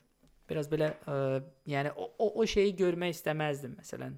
Qarabağ ə, Qarabağa həyat təzədən qayıdandan sonra adam ürəyi istəməzdi ki, ə, regionlarda olan o ə, yəni sosial həyatın yoxluğu ə, eyni ilə oralarda da davam eləsin. Yəni Bakı sentrik olmaqdan çıxmalıdır artıq Azərbaycan.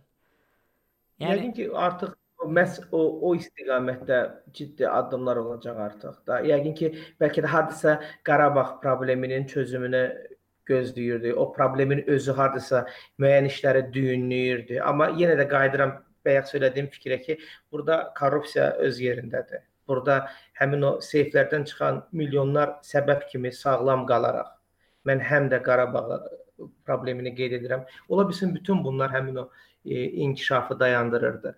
Yəni ki, bundan sonra biraz başqa olacaq. Başqa cür olacaq. Biraz yox, əhəmiyyətli dərəcədə başqa cür olacaq. Təki, təki olsun. Bir də hamının bu dəqiqə belə bir ə, istədiyi deyək də, arzuladığı belə bir arzuladığı yox, hamının o haqqda danışmaq istədiyi və ya da ağlında olan bir şey var. Ə, Qarabağla bağlı filmlərin çəkilməyi. Mən istəyirəm, mən bilirəm ki, sən filmlərə izləyənsən, ə, özündə çox danışsan bu haqqda, filmlər haqqında, ümumiyyətlə rejissorlar haqqında, ə, müəyyən bir fikir sahibisən də belə deyək ə, və həmişə də çəkinmirsən o fikri deməkdən. Ona görə istəyirəm danışaq səninlə məhz yaradıcı baxımından istər Qarabağ müharibəsi olsun, istər nə bilim Gəncə Gəncədəki qətliamla bağlı, Bərdədəki qətliamla bağlı, baş verən qətliam olmasın və yaxud da Qarabağa dönüşlə bağlı və yaxud da Qarabağ mövzusu ilə bağlı ə, çəkiləcək filmlər haqqında nə düşünürsən? Necə eləmək olar? Varmı bizdə elə bir potensial ki, ə, kimsə qəşəng bir film çəksin. Lazım deyil heç yerə göndərməm. Bilmirəm niyəsə bizim bu film sevərlərin belə bir ə, fetişizmi var. Festival fetişizmi də başa düşdün. Kan festivalında yer tutdu. Aa, nə bilim, falan yerdə falan şey elədi. Aa, 5 dənə festivalda iştirak elədi. Aa.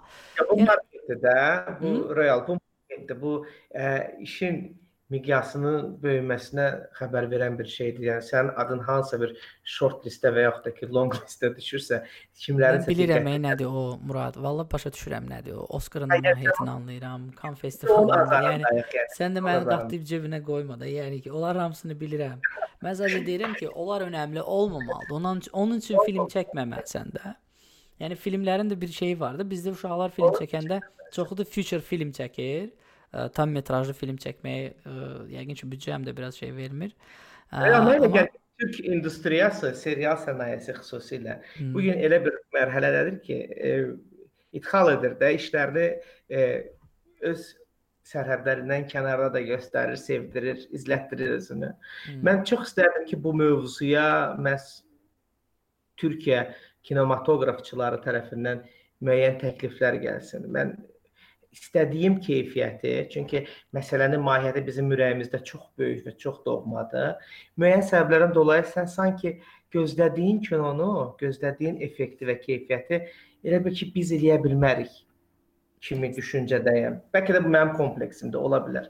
Yox, kompleks deyil. Ə, əgər sırf production-la danışırıqsa, yəqin ki, hə də bizdə o qədər güclü ki, e, Türkiyədə müəyyən təkliflər olsun. Onlar nəsə Sən get dəqiqləşdirək də, sən production-ı deyirsən, yəni istehsalı nəzərdə tutursan, yoxsa ə,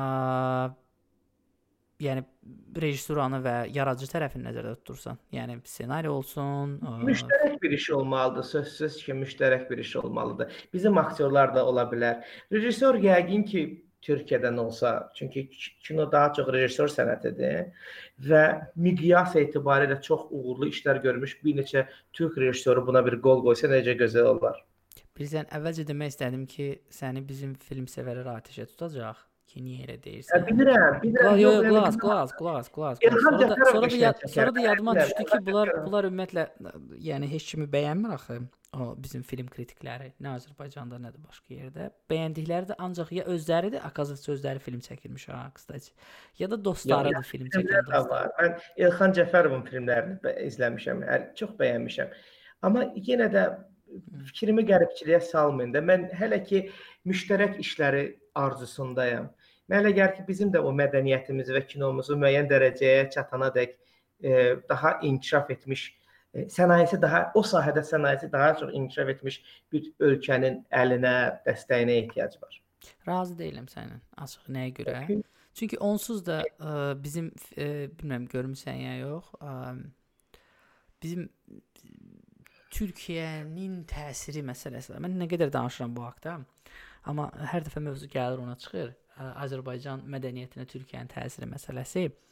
Onsuz da bizdə çəkilən o ə, lazımlı lazımsız serialların hamısı Türkiyə seriallarına oxşuyur. Onsuz da Azərbaycan ə, gəl açıq danışaq da, Azərbaycan pop ə, sahəsi hazırda ən topundan tutaq. Nə bilim Azərbaycanda top kimdir, yəni kimlər ad çəkmək istəmirəm. Tanış olan var, tanış olmayan var. Bu da mənim ə, zəif tərəfimdə hesab elə ki. Yəni onla onlardan tutmuş ən axırda nə bilim ə, hansısa bir şeydə ə, gitara çalan, küçədə gitara çalan qaqaşa qədər bunların hamısı Türkiyə təsiri ilə ə, musiqilər yaradır.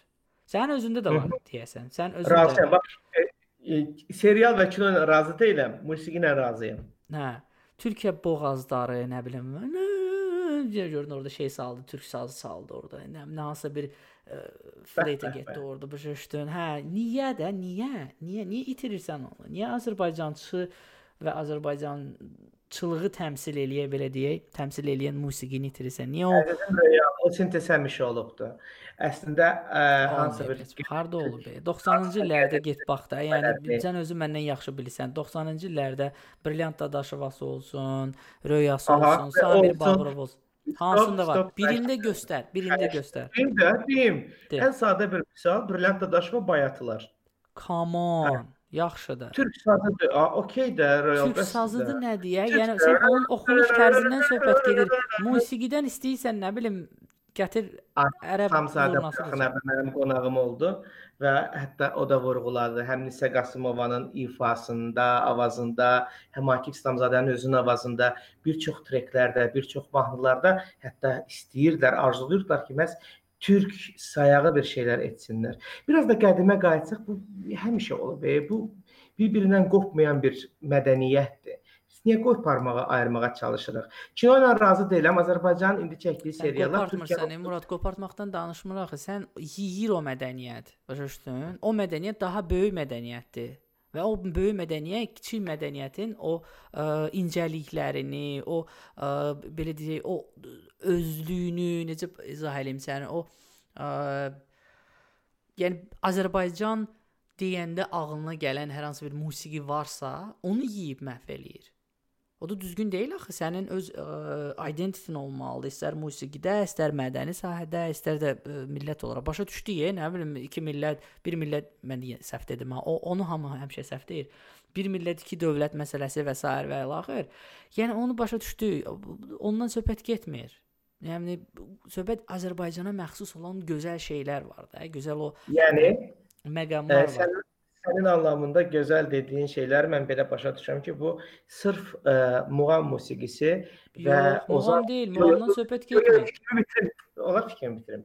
Sənin anlamında mən belə başa düşürəm ki, sən deyirsən ki, sırf muğam musiqisi və Ozan folkloru üzərində ə, qurulmuş, yaradılmış üzü Avropaya baxan musiqi.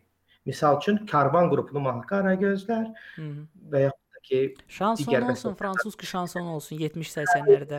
Sağlam musiqisi olsun, e, Tofiq Quliyev musiqisi olsun. Bu elə bir şeydir ki, bunu Üzeyir Hacıbəyovdan gələn bir cəryandır və onun tələbələri davam etdirdi və yaşatdı. İndi bu 30 il ərzində bizim düşdüyümüz böhran bizi biraz o kökdən də qoparıb da. Ona görə biz biraz yavrum sayağı mahnılarla Ətimi tökürsüz. e. Başınızı baxıram. Aa, Hə. nə bilim, nə bilim. Yaxşı eləyirsiniz, özünüz bilərsiniz. Bir şey demirəm. Prosta demək istədiyim odur ki, bax məsəl üçün adaptasiyanın da bir növü var da. Yəni sən onu Fransadan götürəndə, sən onu Rusiyadan götürəndə və ya da başqa yerdən götürəndə o onu özünə məxsus eləyirsən. Amma Türkiyədən götürəndə, yəni bu onsuz da sən özünü qarışırsan. Qarışırsan, bəli, bəli, çox tamamlanırsan bir yerdə. tamamlanmırsan əksinə.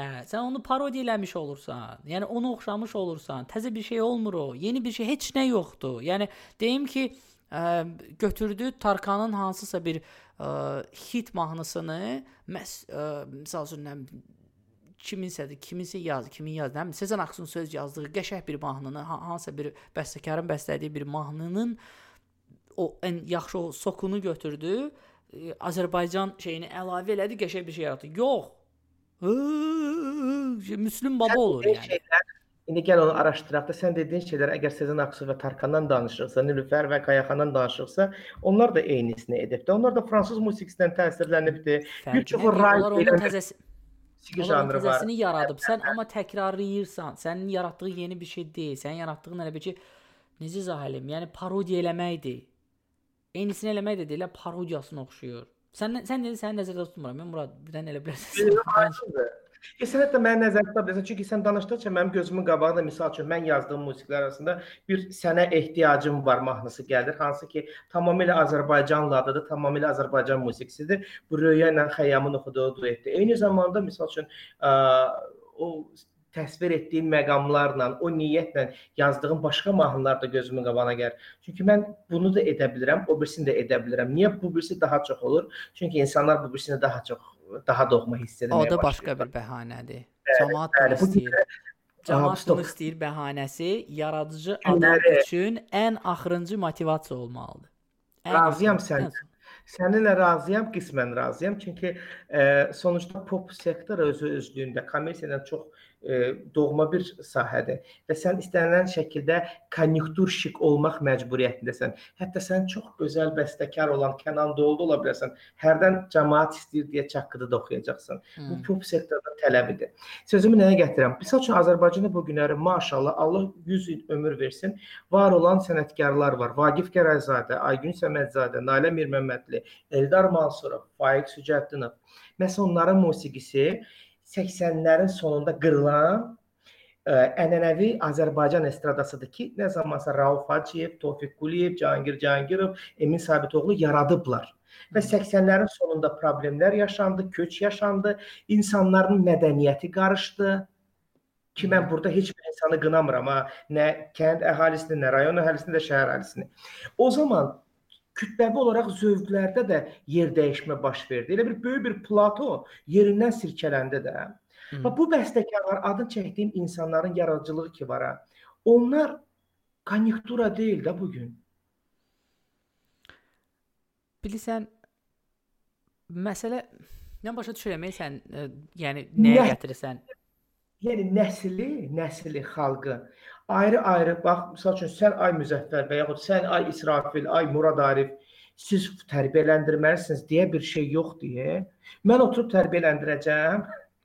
Mhm. Mən tərbiyələndirəcəm, onu tərbiyələndirməyəcək. Onlar yaşayacaqlar, seviləcəklər, adlanacaqlar. Bunu fərdi başa düşmək lazımdır ki, insanları da anlamaq lazımdır ki, niyə bu istiqamət getmir? Getmir də kütləvi olaraq hər şeydə təhsilə gedir, dayanır. Çünki mədəniyyəti inkişaf etdirən əsas sahələrdən biri təhsildir. Mən bir tərəfi mən mən hansısa bütün yəni popun və yaxud da musiqi ə, sektorunun bir tərəfə yönəlməyini və yaxud da nə bilim bir tərəfli olmağını və yaxud da köhnədə ay falan vaxt yaxşı yaxşı idi, indi pisdir falan filan. Onu nəzərdə tutmuram. Bu progressiv bir şeydir. Ə, Bildim. yəni bu gedəcək. onu deyirsən. Necə? Kökdən qopduq, onu deyirsən. Kökümüzdən qopmuşuq, onu deyirsən. Kök- Üzeyirdən kökümüzdən də qopmuşuq. əlavə özümüzə uyğun elən ş- kökündən qopma. Nə bilim, götür şey elə nə nə deyim, rep elə, elə bir rep elə ki, yəni o sənin özünə sənin maraqlı olsun da. Yəni rep bəlkə də düzgün ə, ə, misal deyil, çünki o biraz ə, ə, universal dəyərləri Deyirsən- daşıyır da. Deyirsən ki, Hı. musiqidə türk esentisi, türk Hı. təsiri, Hı. proqressiv yol proqressiv qapı deyil. 100% proqressiv qapı olmağından da əlavə mən deyirəm ki, tutaq ki, populyar adamlar bunu eləyir. Başa düşdüm. Tutaq ki, Röya ə, Türkiyə ə, bazarına da açılmaq istəyir və yaxud da orada hər hansı bir maraqları var deyə ə, onu eləyir və yaxud da Mir Yusif ə, hansısa formada onu eləyir və yaxud da Mir Yusifin ə, bəstəkarlarından biri Türkiyəli adamdır deyə o ona belə bir şey düzəldir. Mən pandemiyadan danışıram. Yəni Türkiyənin təsirindən yaranan o boğazlar olsun, o ə, Türkiyə ə, musiqisinə məxsus olan o xırda detallar olsun, onların ə, kütləvi şəkildə Azərbaycan ə, musiqisinə ə, təsirindən danışıram. Yəni o A, çox A, A variantı. masştab Təhsil təhsil sistemi yetişməkdə olan nəsilə birinci sinifin partasından dünya görüşü, proqressiv baxış və yaxşı təhsil verməlidir. B variantı paralel olaraq media insanlara zövqlü musiqi belədir. Yaxşı musiqi belədir. Keyfiyyətli musiqi belədir və ən nəhayət sən dediyin bizim musiqi belədir. Təlqin etməli, təbliğ etməli, təşviqat kampaniyaları qurmalıdır. Üçüncüsü də ki, ailə institutları. Ən az məsuliyyət ailə institutlarının üzərinə düşür. Yəni təhsillə media əl-ələ verib son 30 il ərzində yetişdirməyibsə nəsli, yazıq müğənni nəsin? Müğənni də yetişən nəsil üçün oxuyur ki, ac qalmasın. Murad, ki belə deyə də, mən başa düşdüm. Tam dediyində, ə, əlbəttə ki, yəni ümumi baxanda elə bir məsələ var. Amma əgər fərdi tərəfdən baxaq da, düzdür? Tutaq ki, bir dənə ə, qardaşdır ə, və yaxud da bir oğlandır və yaxud da bir qızdır, fərqi yoxdur. Bu gitara öyrənir. Düzdür? Bu nə təhsili? Bu yəni orta məktəbi qutarıb və yaxud universiteti qutarıb özü üçün yəni istedadını yoxlayır ki, görüm ə, mən ə, gitarada necə nə bacarıram, bacarığım hansı səviyyədədir. Onu öyrənir, filan fesməkan nə oxumağa başlayır Murad? Neynir? Küçədə gördüyün gitara çalanlar, o hansısa barlarda, restoranlarda ə, live ə, yəni canlı çıxış edən uşaqlar nə oxuyur Murad? Nə ifa edir? Hansı hansı mühit yetişdirib onun ətrafını, Bəs çevrəsini? sənə demək istədiyim də odur. Demək Mühit yetişdirən təhsil sistemi deyilmi? Təhsil təhsil sisteminə nə aidiyyatı var axı? O adam Necə nəriyyatı var? E? sən hansı təhsil, hansı təhsil sistemindən danışırsan? Mən Sumqayıt şəhərində Hansı təhsil sistemindən danışırsan? Orta məktəbdən, universitetdən, nədən danışırsan? Biz uşaqlıqdan, uşaqlıqdan belə bir ənənə var idi ki, hər kəs musiqi məktəbinə oxuyanın təhsildən zəhləsi gedir. O niyə qulaq assın ki təhsilə? Sən tutaq ki, məsəl üçün sən arxanda bax məsəl üçün Beatles-ın albomu var, düzdür? Sən hansı müəllimin deyib ki, get Beatles-a qulaq as? Atam. Müəllimin deməyib də, təhsil deməyib axı onu. Təhsil nə? Yox, niyə? Təhsildə mən məktəbə gedirəm. Deyib, hansı müəllimən deyib, amma düzün. Onlar da mən deyim də, mən musiqi məktəbinə getməmişəm, adi məktəbə getmişəm. Bizim nəğmə dərsimizdə bizə Mozartı da, Beethoveni də, Bachı da tanış edirdilər. Plastinkaları qoyurdu Yekaterina Timofeyevna Allah rəhmət eləsin. Bir-bir dinlədirdi ki, bax, bu şeydir, bu Rachmaninoffdur, bu Shostakovichdir. Heç lazım da deyildi o bizə. Və mən bildim ki, paralel olaraq Azərbaycan yeri gəlmişkən, Azərbaycan bölməsində mənim dostlarım oxuyurdu. Onların nəğmə dərsləri elə keçmirdi. Hı, hı. Yox, mən başa düşdüm. Ya Shostakovich'in axı Azərbaycan musiqisinə aidiyyatı var. Sən Beethoven-ə müthiş- qulaq as, mən də qulaq asmışam. Dünya görüşü olan bir cəmiyyət formalaşır da. Onlar üçün axı bayağı musiqi istər-istəməz ə, inkar olunacaq. Onlar dinləyə bilməyəcəklər o 3 notluq çox ucuz musiqiləri. Hmm. Düzdür. Yəni musiqi, mən musiqiyə həvəsi olmaya da bilər də kiminsə. Mən biraz təhsilə bağlamıram onu. Mən popularizasiyadan söhbət gedir. Mən sözümü media nəyə da, gətirdim? Medianın təhsil sistemi demirəm axı mediada özü də özlüyündə formalaşdırır, dəbit Murad, media gətirir. sənsən. Bax, sən oxuduğun mahnılarda, sənin yazdığın mahnılarda mən 2020-ci ildəyəm. Mən sənə danışıram. 2000-ci illərin əvvəl 20 il bundan əvvəldən bundan sonradan danışırıq e biz. Biz bundan sonradan danışırıq. Hə, bundan sonra yaxşı olacaq, onu saxla. Heç nə də Amma olmayacaq. kanalı- Əgər sən davam eləsən, sən gəl belə gəl boynunu al da Murad. Sən ə, Azərbaycanda musiqi ə, yaradan, ə, Azərbaycandakı musiqi bazarında sözü olan adamsan. Düzdür? Mən bilmirəm indi kimin nə dərəcədə xəbəri var. Azərbaycan ən top kalibr adamlarına musiqi satırsan. Düzdür? Gəl bunu Satırdım. Hə, düzdür. Vaxtilə Hə, olub. özün də oxuyursan da, yəni ki, özün də eləyirsən, özün də yaradırsan, düzdür? Sən götürürsən, bax, bayaq dediyin kimi, o türk boğazları olsun, hansı bir alətlər olsun. Götürürsən ki, "Ə, cəmaət bunu eləyir də, mən də eləyirəm." heç boğazım yoxdur. Eləyirsən də onu. Özün də oturub danışırsan Beatles belə gəldi, Shostakovich belə getdi. Axırda da gəlsən Türk arabeskini eləyirsən. Cəmaət də deyir ki. Murad Arabeski olmayıb məndə. hə? Misal üçün deyirəm, Türk konkret arabesk eləməmizdən ki. Mənlə da deyir. danışırsan mən mahnılarımı gözümün qabağına gətirirəm. Bir dənə olub belə türk sayağı. Sən deyəndə yenə deyirəm, tək səni nəzərdə tutmuram da bütün kompozitorlardan söhbət gedir ki, yəni bu təsir eləyir də. Yəni sən eləyəcəksənsə, sən özün ə, bir ə, bu, bunu eləmək olmaz. E, sən bayaq dedin Qalustyan məsələsi ki, Qalustyan mənə Mən cavab istər verdi. istəməz əgər Mirkəlamla, Kənan Doğulu ilə, Tarkanla tərbiyələnmişəmsə həmçinin, istər istəməz onların musiqilərini də sevirəm. O sevgi yəqin ki, mənim hansı nəğmələrimdə özünü bir üzə verir. Və mən burada bir problem Mirkəlamın görürəm. hansı musiqisi səndə misal üçün təsir eləyir? Tavla. Yo yo yo, hansı mahnısı sənə təsir eləyib demirəm. Sən sən Hə. tavla? Kimin mahnısıdır tavla? Tavla Mirkəlamın Ha, mahnısı. Mirkəlamın mahnısı. Okey, mən mahnıdan söhbət edirəm. Mən deyirəm ki, məsəl üçün harda istifadə eləmisən Mirkəlamın ə, o şeyini də. Məsələn, üçün Mirkəlamın mahnısı var. Aha. Keçib gedən zamanlar var, düzdür? Yəni o o hara, o hara. Düzdür? Stop, stop, stop, stop. Sən bu okey də. Keçib gedən məsəl üçün xatirələr mahnısından danışırsansa, bir Murad Arifin oxuduğu və YouTube-da demək olar ki, heç kimə maraqlı olmayan sevgililər mahnısını dinlə. Çox rica edirəm.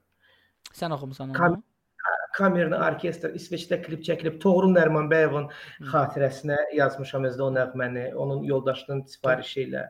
Daha sonra nə Mir deyirsən, Kağanın Murad? tərəddüd mahnısını çox sevirəm. Özün deyirsən ki, cəmaət qulaq asmır deyə eləmirəm. Yo yo yo yo demirəm. Deyirəm ki, insanlara heç kimə maraqlı olmayan bir trekli sənə misal gətirirəm. Mir Kağanın tərəddüd mahnısı var idi. Tərlə. O mahnının təsiri ilə misal üçün saçların yaranıbdı. Tutalım. Qayaxanı çox sevirəm. Çox Hı. sevirəm Qayaxanı. Onun Atın beni denizlərə mahnısının təsiri ilə bu şəhər ikimizə dar yaranıbdı. Və mən o mahnıları böyük zövqlə özümdə dinləyirəm. Kayahan Kayahan elə başlatdı da bu zibili o Türkiyədə də bütün o tendensiyanı eləyən. Ə, Şimdi görürsən. Hə. Kim Elə- bizimkisi Kayahanı- bir, bir aşk hikayəsi, hekayəsi bütün baxırsan ki, ondan sonra az Türkiyə. Türkiyə popunda hamı getdi o şeyə. Qayaxan ondan daha böyük bəstəkardır, onun daha böyük nəğmələri var. Əlbəttə böyük bəstəkardır. Mən onu heç vaxt şey elə bilmərəm. Sadəcə deyirəm ki, tendensiyanı gətirib deyə zibilə salıb.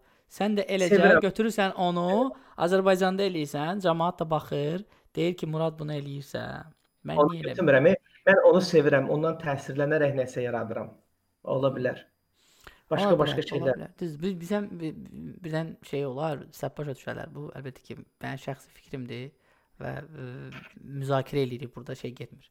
Ə, Murad niyəsə ə, şey kimi çıxmasın da ki, mən Murada deyirəm ki, sən yaxşı musiqi eləmisən və s. və laxır. Bax Beatles dedim, bax bu dəqiqə beynimdə fikirləşirəm ki, Beatlesın təsiri hansı musiqimdə özünü göstərib. Yəqin ki, daha çox Tünzalənin oxuduğu Ürəyimsən mahnısında var. Hmm. Mən məsəl üçün çox xoşlayıram Bondiana mahnıları, Bond soundtracklərini. Hmm. Bir Sevda Ələkbərzadənin oxuduğu Dünya sənin əlində mahnısını dinləyirəm. Yaxşı, bax Orada yaxşı o- söz dedin. Sevdə o- Ələkbərzadə. Bax bir də saxla orada. Bax Sevdə Aha. Ələkbərzadə də saxla. Düzdür? Sevdə Ələkbərzadə saxla. Nəyə görə Sevdə Ələkbərzadə hələ də istər ə, Bakı Bamondunda olsun, istər Azərbaycan estradasında olsun öz səviyyəsini qoruyub saxlaya bilib. Çünki cavab verir onların tələbinə. Kimin? Sən ifadə etdiyin auditoriyanın. Azərbaycanlılara Bakı- maraqlı deyil Sevdə Ələkbərzadə. Normal Bakı qara Azərbaycanlılara, mənim kimi. Bakı Bamondun, Bakı Bamondunun demədin. Sən Yox, dedin də o deyirəm cür. Yəni onun onların arasında Bakı Mamonduna hamı daxildir, tək ə, Sevdə Ələkbərzadə daxil deyil. Yəni deyirəm ki, onlara onların arasında o tək odur ki, məsəl üçün tək o deyil əlbəttə. Yəni o dedin, o ağlıma gəldi ki, o saxlaya bilir. Niyə? Çünki onlara xitab edir. Çünki onlara xitab edir onun musiqisi. nə deməksən? Xüsusi bir zümrəyə xitab eləyir, Azərbaycanlılara xitab eləmir. Onlar məyər Azərbaycanlı deyil, Bakı Bamondu Azərbaycanlılarımızdır. Bütün. Azərbaycanlılara.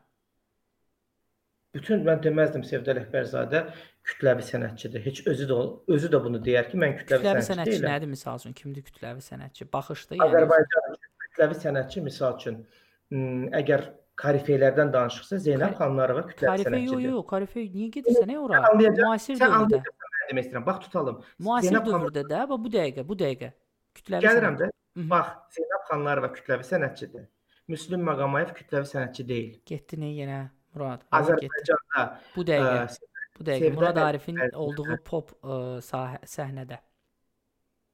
Kimdir kütləvi sənətçi? Kütləvilər Röyadır, kütləvi Miri Yusifdir. Mənim bir çox mahnılarım kütləvi musiqiyə aiddir. Üzeyir Kütləvi Mehdizadənin adını Şey çəkmirsən? Bəli? Üzeyir Mehdizadənin adını niyə çəkmirsən? Amma mən düşündüm biz estradadan danışırıq. Üzeyir Mehdizadə estrada deyil. Niyə? Estrada nədir ümumiyyətlə?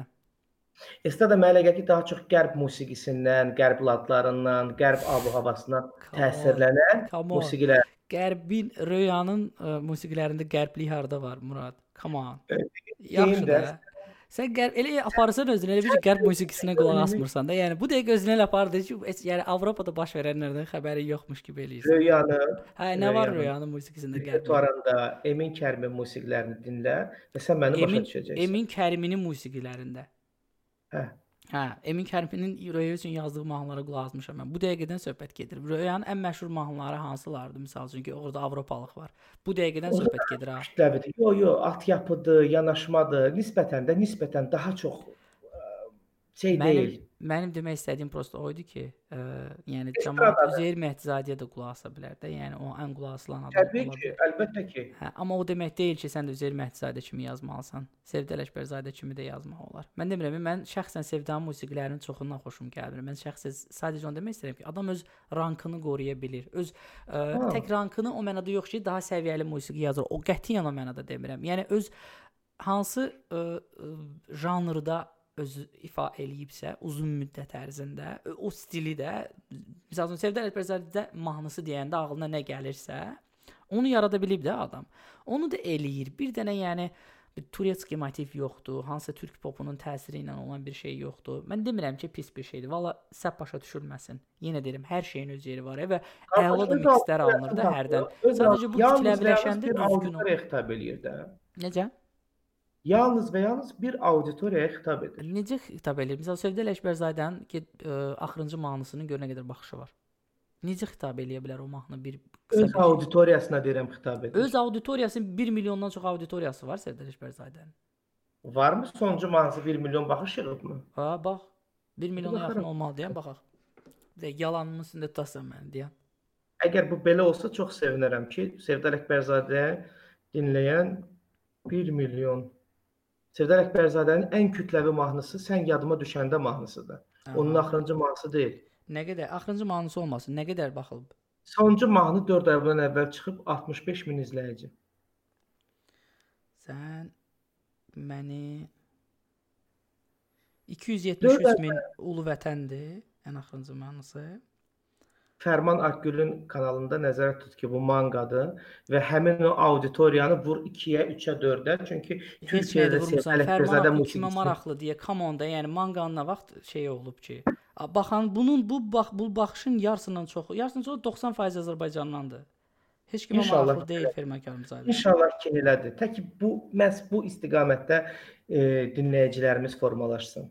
Amma mən buna Yox, şübhə edirəm. Mən yenə də deyirəm, lap 100 min olsun. 100 min adam qulaq asır da, yəni və adam dəyişmir ki. Tək o bir yaxşı qoyaq Sevda Ələkbərzadənin qırağa. Düzdür. yəni onu qoyduq qırağa. Səncə müxtəliflik olmamalıdırmı? Var da müxtəliflik. Harda deyə amma eyni eyni çox eləyir, eyni şey eləyir. Nə bilim, mən görmürəm. Bəlkə də yanılıram, düz deyirsən. Bəlkə də mən tam ə, qulaq Bəlkə asmıram. sən ölkənin miqyasını nəzərə alasan, misal üçün mediamızın hələ formalaşmadığını nəzərə alasan. Radiolar demək olar ki, musiqi formatına görə Azərbaycanda səciyyələnmir. Bunu nəzərə alasan. Hmm. Misal üçün Azərbaycanda bir R&B radiosu yoxdur, bir disko radio yoxdur, bir milli pop radiosu demək olar ki, yoxdur. 1-dir, 2-dir.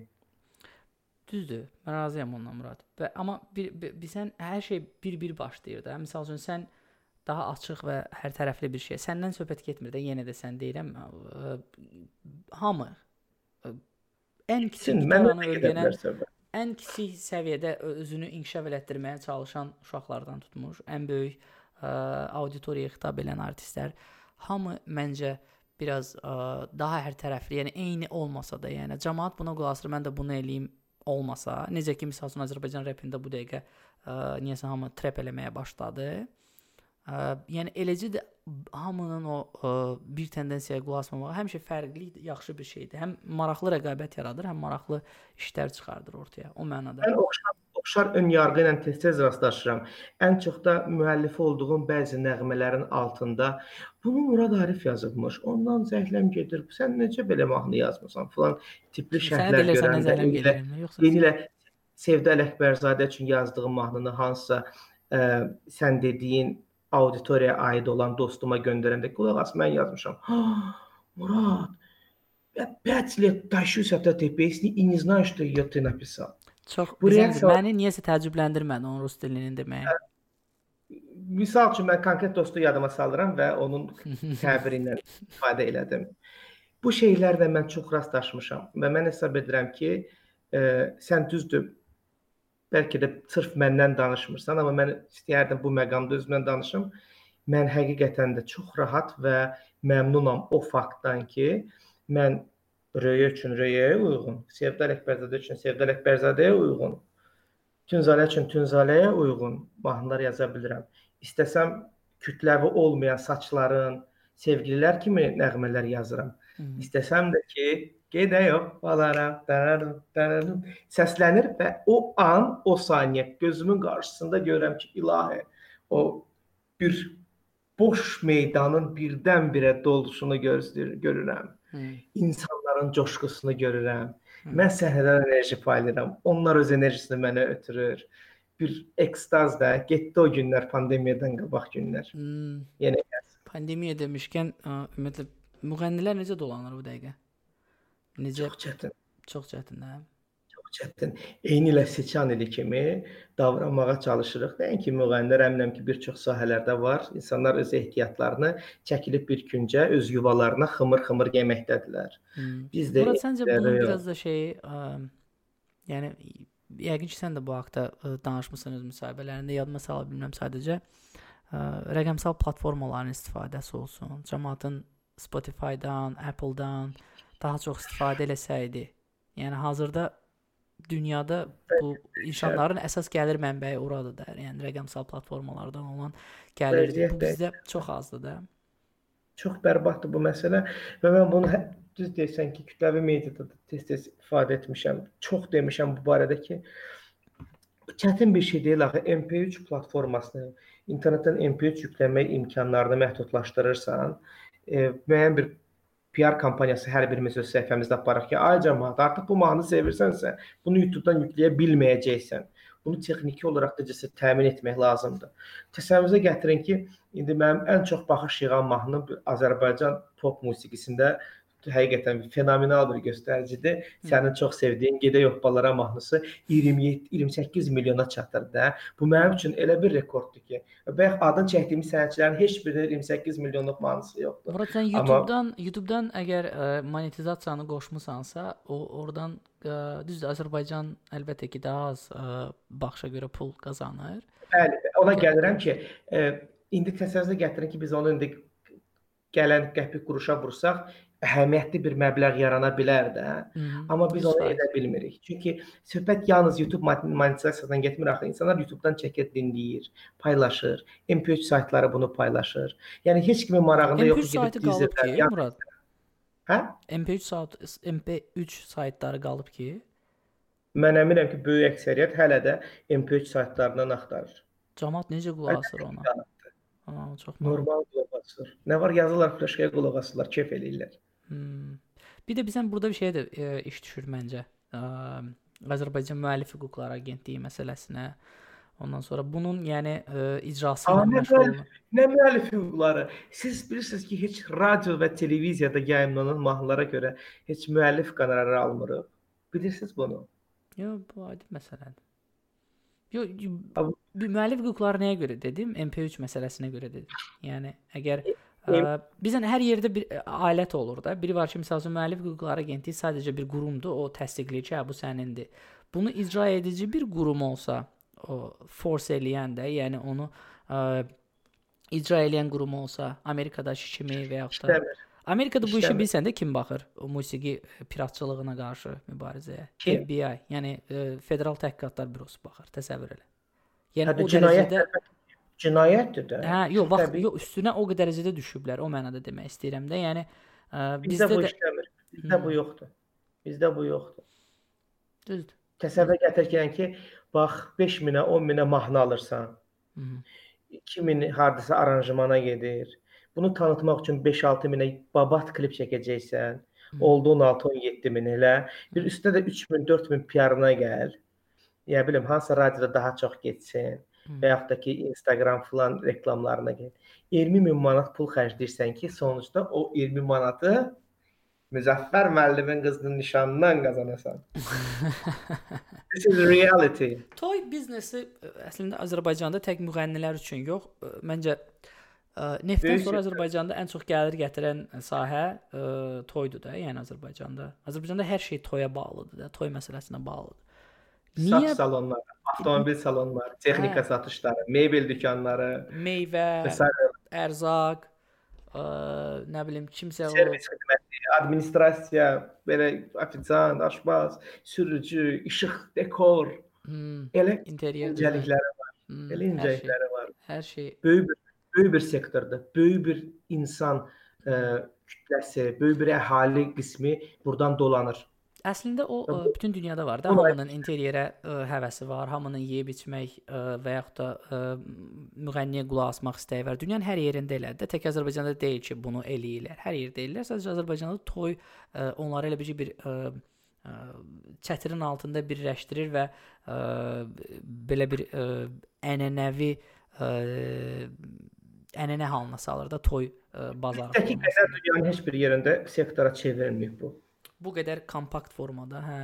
Yəni burada da var, hə, event planninglər, ondan sonra çox böyük multimilyardlıq bir ə, sahədir. Sadəcə Azərbaycanla ə, müqayisədə ə, Azərbaycanda elə bir ki, o başqa şey çox azdır, o daha çoxdur da. Yəni belə deyim, burada hər şey var. Burada nə bilim, çıx çöldə ə, nə isə sat köhnə paltarları sat, onu da kimsə alacaq da. Başa düşdün necə? Yəni o ə, onun da öz kütləsi var, onun da öz şeyi var. Amma Azərbaycanda biraz elə bir daha çoxdur. Hər şeylə bir ona bağlıdır. Şah damarı. Müqayisə edə biləcəyimiz tək sektor Türkiyədə olan klublardır. O kabarelərdir, kazinolardır. Bax, oxşar bir Kazino sektor. Türkiyədə legaldır ki, məncə legal deyil kazino Türkiyədə.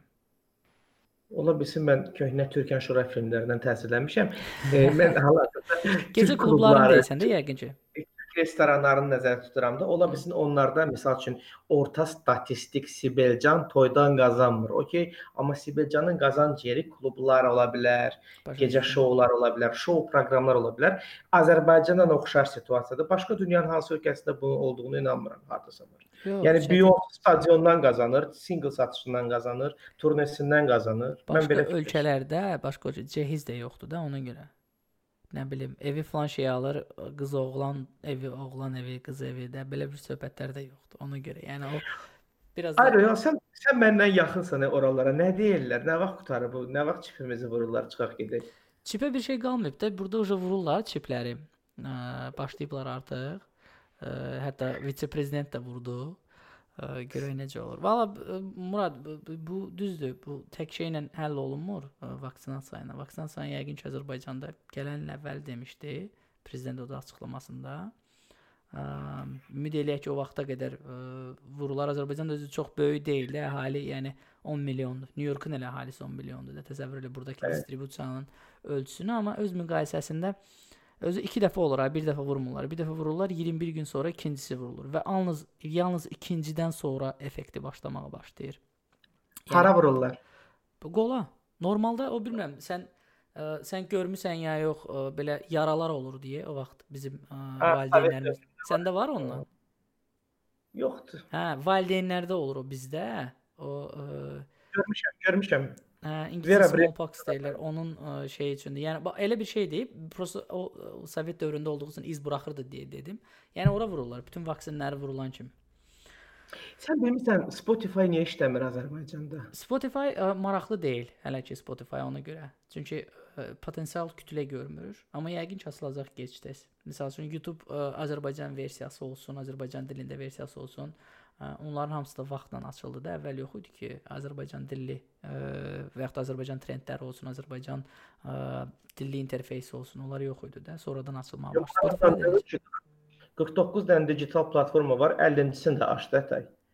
Yəni ki, o maraqla deyil axı. Yəni bu bu sistem varsa, bu bunu nöş blok edirsən bu application. Qorunmur. Bu çox Azərbaycanda ən böyük problemləri Apple Music olsun. Məsələn, Instagrama təzə gəldi bu arada. Ə, musiqinin storieslərdə dəstəklənməsi funksiyası təzə gəldi. Ə, Facebookun özündə olsun, ondan sonra Spotify-da olsun. Azərbaycanda müəllif hüquqları qorunmur. Götürüb oğurlayırlar, sonra da onu qoyurlar internetə. Ona görə sən bayaq danışdığı məsələ yox idi, flaşkaya yükləyib qulaq asmaq. Ona görə bəli, qoymurlar bəli. Azərbaycanda. Çünki force eləyə bilmirlər də. Doğru. Belə. Yavaş-yavaş deyirsən yekunlaşdıraq ə, bizim ə, söhbəti. Əgər əlavə elə bilə eləmək istədiyin ə, hər hansı bir Mən həmişə müsahibələrə gələndə ən nigaran olduğum mövzu odur ki, e, nə danışmışam, nə qədər məntiqli danışmışam, nə qədər tamaşaçı üçün dürüst görünmüşəm, harda quş buraxmışam, bu mənə əsas maraqlandırmır. Mən ən çox maraqlandırandır ki, misal üçün müsahibə götürən insan istədiyini ala bildi, yoxsa Bizən ə, e, limit var da, ə, e, onlayn danışmağın da bir limiti var da. Tam ə, istədiyin ə, şeyi götürə bilmirsən, amma hə, yəni mən, mən mənə belə gəlir ki, biz əvvəlcədən danışdığımız mövzular ətrafında çox yaxşı söhbət elədik. Ə, sən də tam səmimi olmağa çalışdın, ən azından. Ə, çalışdım çox çalışdım. Hə, yox bilirəm, bilirəm, 100% bilirəm ki, yəni ə, at çəkmək istəməsən də, bəzi şeylərdə ə, danışmaq istəməs, danışmaq istəmirəm desən də, bir çox mövzularda çox ə, rahatlıqla məncə müzakirə edə bildik, ə, Murad. Ə, Bu canlı yayımdır da. Biri var ki, bir də bilirsən necədir? Müsahibə hazırlayanda kəsə bilirsən nə isə. Burada amma hə. nə danışdıqsa odur. Gedin getdi. Hə, o o o, o mənada ə, çox maraqlı oldu. Mən çünki canlının da öz havası var da Murad. Bu biraz Necə? Popumuz var haqqında heç nə soruşmadın. Çünki sənə Twitterdə yazırdılar ki, o barədə danış, o barədə soruş. Bilirsən, mənim səndən soruşmalı olduğum o qədər sual var ki, biz onu danışsaq, biz gərək Bir yazık popumuz var ideologiyası. ne yazım? popumuz var ideologiyası. Ne, ne, ne cevap popumuz var? Twitter'da bir yazı popumuz varın ideologiyası. Yani, ideologiyası nerede? Ha sual verilip. Cavabla da onu. Nerede popumuz varın ideologiyası? Ne ideologiyası olacak? Söhbətdir də maşında söhbət. Hər şeyin ideologiyası olmalı diyorlar. Mən xostam. Sən sən özün soruşursan da hər şeydən. Uşaq gələn qonaqlardan ki, ə, gələn qonaqlardan deyəndə daha çox hosta aidiyyəti olan adamlardan da belə deyək. Hostun ideologiyası nə idi? Axtarırsan. Məcburam. Məcburam çünki Azərbaycan hip-hopunda hadisə hələ də çox deyil və məcbursan ki, yeni nəsildən də ötən hadisələr haqqında müəyyən rəy soruşasan ki, nə qədər təsirlənmisən, nə qədər razı idin o ediləndən. Əgər ə, fikir vermisinsə, host qədər də Dəryanı sorğulamışam, hmm. nağılbazı soruşmuşam. Yəni bu təbiidir, burada bir qeyri-adi yo, bir şey yox. Yox, o, o, o mənada əlbəttə təbiidir. Yəni o sən tarixinə qayıdıb ə, bəzi məqamları ə, dəqiqləşdirirsən, hansı söhbətləri qəşəng insightlar tapırsan, onların ə, ətrafında qurursan müzakirəni. O öz yerində. Mən Sadəcə ideologiya məsələsinə görə deyirdim ki, yəni olsun ideologiyasını niyə axtarırsan Murad? Yəni 35 dəfə soruşmusan. Yəni nə etməksə, kitab yazacaqsan, nə edəcəksən? Gəlin bir yerdə danışaq, bəlkə sən izah eləyim nədir, nə deyil. O mənada. Vestnik jurnalında oxumuşam ki, e, yaxşı sənətçilərin ideyası olmalıdır. Məsəl üçün Bob Dylanın ideyası var, nə bilim, Bruce Springsteen ideyası var. Ona görə fikirləşirəm ki, Emin Əfəndi və yaxud da ki, Abdul ə, e, Mazi qonağındırsa, sən onlara bu sualı verməlisən ki, uşaqlar bax, sizə görə nə idi onu əhəmiyyətli edən, nə idi onu qalıcı edən, nə idi onu cəmiyyət üçün hardasa ə, e, kurs dəyişən və yaxud da ki, kurs göstərən cəhəti. Yəni belə. Səncə izah eləyə biliblər tam? Ən yaxşısı Emin Əfəndi deyibdi. Yaxşı danışıbdı bu barədə. Hmm. Yox, yəni ə, dediyim kimi bizim müzakirə edəcəyimiz mövzular çoxdur. Bu da birinci dəfə və birinci və axırıncı dəfə deyil ki, yəqin ümidvaram ki, narazı qalmadın. Hə, çünki hə, ə, mən istəyirəm ki, davamlı ə, olsun. Yəni bu indi sırf ə, mən ilin axırına qədər ə, müharibə dövründə baş verənlər haqqında danışıram deyə onların hesabatı kimidir. Məsəl üçün ə, çox güman növbəti həftə, bu da bir balaca bir anons olsun ə, ilkin razılığını, ə, yəni ilkin razılığı həll eləmişik. ə, Heydər Mirzə olacaq yəqin ki, onunla danışacağıq. Ondan sonra növbəti həftələrdə başqa-başqa, yəni müxtəlif sahələrdən ə, Azərbaycanda baş verən Qarabağ müharibəsinə təsiri ə, tərəfindən danışırdıq. Yəni ona görə o ağırlıqlı olduğuna görə mən istədim ki, belə bir söhbətimiz olsun. Yoxsa sənlə yəni saatlarla oturub hər şeydən danışa bilərik ə, və müzakirə edə bilərik, o qutarmaz. Sənin də necə deyirlər, çox yormaq istəmirəm o mənada. Ə, yəni Buyur, deyim. buyur. Həmişə hazıram. Nə vaxt çağırsan, bütün layihələrinizi maraqla izləmişəm. Çox sağ ol. E, yəni sən mənə bayaqdan siz deyirsən, yoxsa ümumiyyətlə komandanı nəzərdə tutaraq deyirsən? Mən çox nəzərdə tuturam. Mən bilirəm ki, hə, hə, hə, hə. Birdən elə bildim mən sizlə danışarsan, mənə pis təsir edir kimsə mən siz deyəndə. Yox, yox, yox, yox. Mən səninlə böyle səninlə danışıram da. Hə, hə, hə. Hələ xəyyam var, xətayı var. Mən titrərə baxıram. Düzdür, düzdür, düzdür. Bu verişi kim hazırlayıb belə yaxşı alınıbdı. Hə. Adam biraz bu tək, tək tək real ola bilməzdi. Burada nəsə başqa adam vardı. Tək ancaq Murad Arif işləyir. Düzdür, düzdür. Bax bunu tək aparıram. Görsən bu necədir? Burada burada görsən hər şeyi mən eləyirəm, hər şey. Demək olar. Superdir, super əzizim. Çox yaxşıdır hər şey. İşlərində uğurlar. Mən hesab edirəm ki, belə sən kimi maraqlı insanlar maraqlı axtaran, araşdıran, cəmiyyəti harasa yönəldən. Mən ilk dəfə, ilk dəfə sənin yaradıcılığından bir video bloqundan ə, maraqlanmağa başladım. Heç əlaqəsini bilmirdim ki, Bakıda kimdir sənin dostun, kimlərlə ünsiyyətdə olmusan, hansı yaradıcılıq işləri görmüsən. O indi də məsəl üçün Royalı Twitterdə axtaranda yuxarıda yazdır ki, bu layihə, bu layihə, bu layihə, məsəl üçün host var, kəllə-kəllə var. Amma mən orada sən Elçin Əlibəyli haqqında bir blog hazırlamışdın da. Hə. Mən baxdım, ayda bu kimdir belə? Bu nə maraqlı adamdır? Bu harda yaşayır? Çox yəni, sağ ol, çox sağ ol oradan kəşf elədim və çox bəyəndim. Önəmli olan odur ki, belə işlər, belə bloqlar olsun. Belə alternativ pəncərə. Çox sağ ol. Ə, necə deyirlər, bir-birimizi təriflədik, düzdür? Ə, danışdıq, söhbət elədik. Hardasa ə, balaca bir müzakirələrimiz də oldu. Balaca bir ə, mübahisə fason, amma ə, çox sivil formada danışdığımız qəşəng mövzular da oldu. Bir-birimizi də təriflədik. Növbəti ə, verilişlərin ə, anonsunu da verdik. Ə, məncə bu gün üçün çox ə, yaxşı bir ə, yerdəyik ki, verilişi qutaraq. Ə, yenə də dediyim kimi həmişə ə, səni görməyə şadam burada və mütləq qayıdacağıq mövzulara. Mən üstündən keçdim bəzi şeylərin ki, danışmaq istəmədim ki, növbəti verilişlərin bir marağı olsun. Biz ə, Azərbaycan repi olsun, popumuz var olsun. Ondan sonra Azərbaycandakı nə bilim müğənni industriyası olsun, Azərbaycandakı kino industriyası olsun. Onların hamısını sənlə daha ətraflı və bəlkə də başqa qonaqlarla bir yerdə müzakirə eləyəcəyik. Yəni bu mən istədiyim şeylərdən biridir. Sən də vaxtın olsa, vaxtın bu olsa. Hə. Bu veş bu veşimizin sonunda da bir dənə qəşəng Qayaxandan kar tanələri qoşursan, ləzzətli ləzzətli Tam uyğun olur da, yəni bir mövzunun nöqtəsini qoyuruq. Oldu, oldu Murad. Çox sağ ol ə, gəldiyin üçün. Ə, yəni ə, dediyim kimi də ə, çox əla ə, məncə söhbət oldu. Ə, gələn həftə ə, yenə dediyim kimi mövzulu başqa ə, qonağımız olacaq. Ə, Bəli qonağımız ə, ə, çox güman Heydər Mirzədir, amma ə, görəcəyik indi necə alınır. Ə, ilkin razılıq əldə olunub, yəni belə bir anons olsun sizin üçün. İlin sonuna qədər ə, biz ə, 2020-ci ilin ə, baş verən hadisələrinin və Azərbaycanda xüsusilə 2-ci Qarabağ müharibəsinin ə, hesabatını eləyirdik, kobud desək və qonağımız Murad Arif idi. Özünüzə yaxşı baxın. Gələn həftə görüşənədək. Onun başı çıxar azmaz çox Qarşı çıxar Azya yox Geç geç komment Azya sloq Hər kəs susar Azya yox Azya yox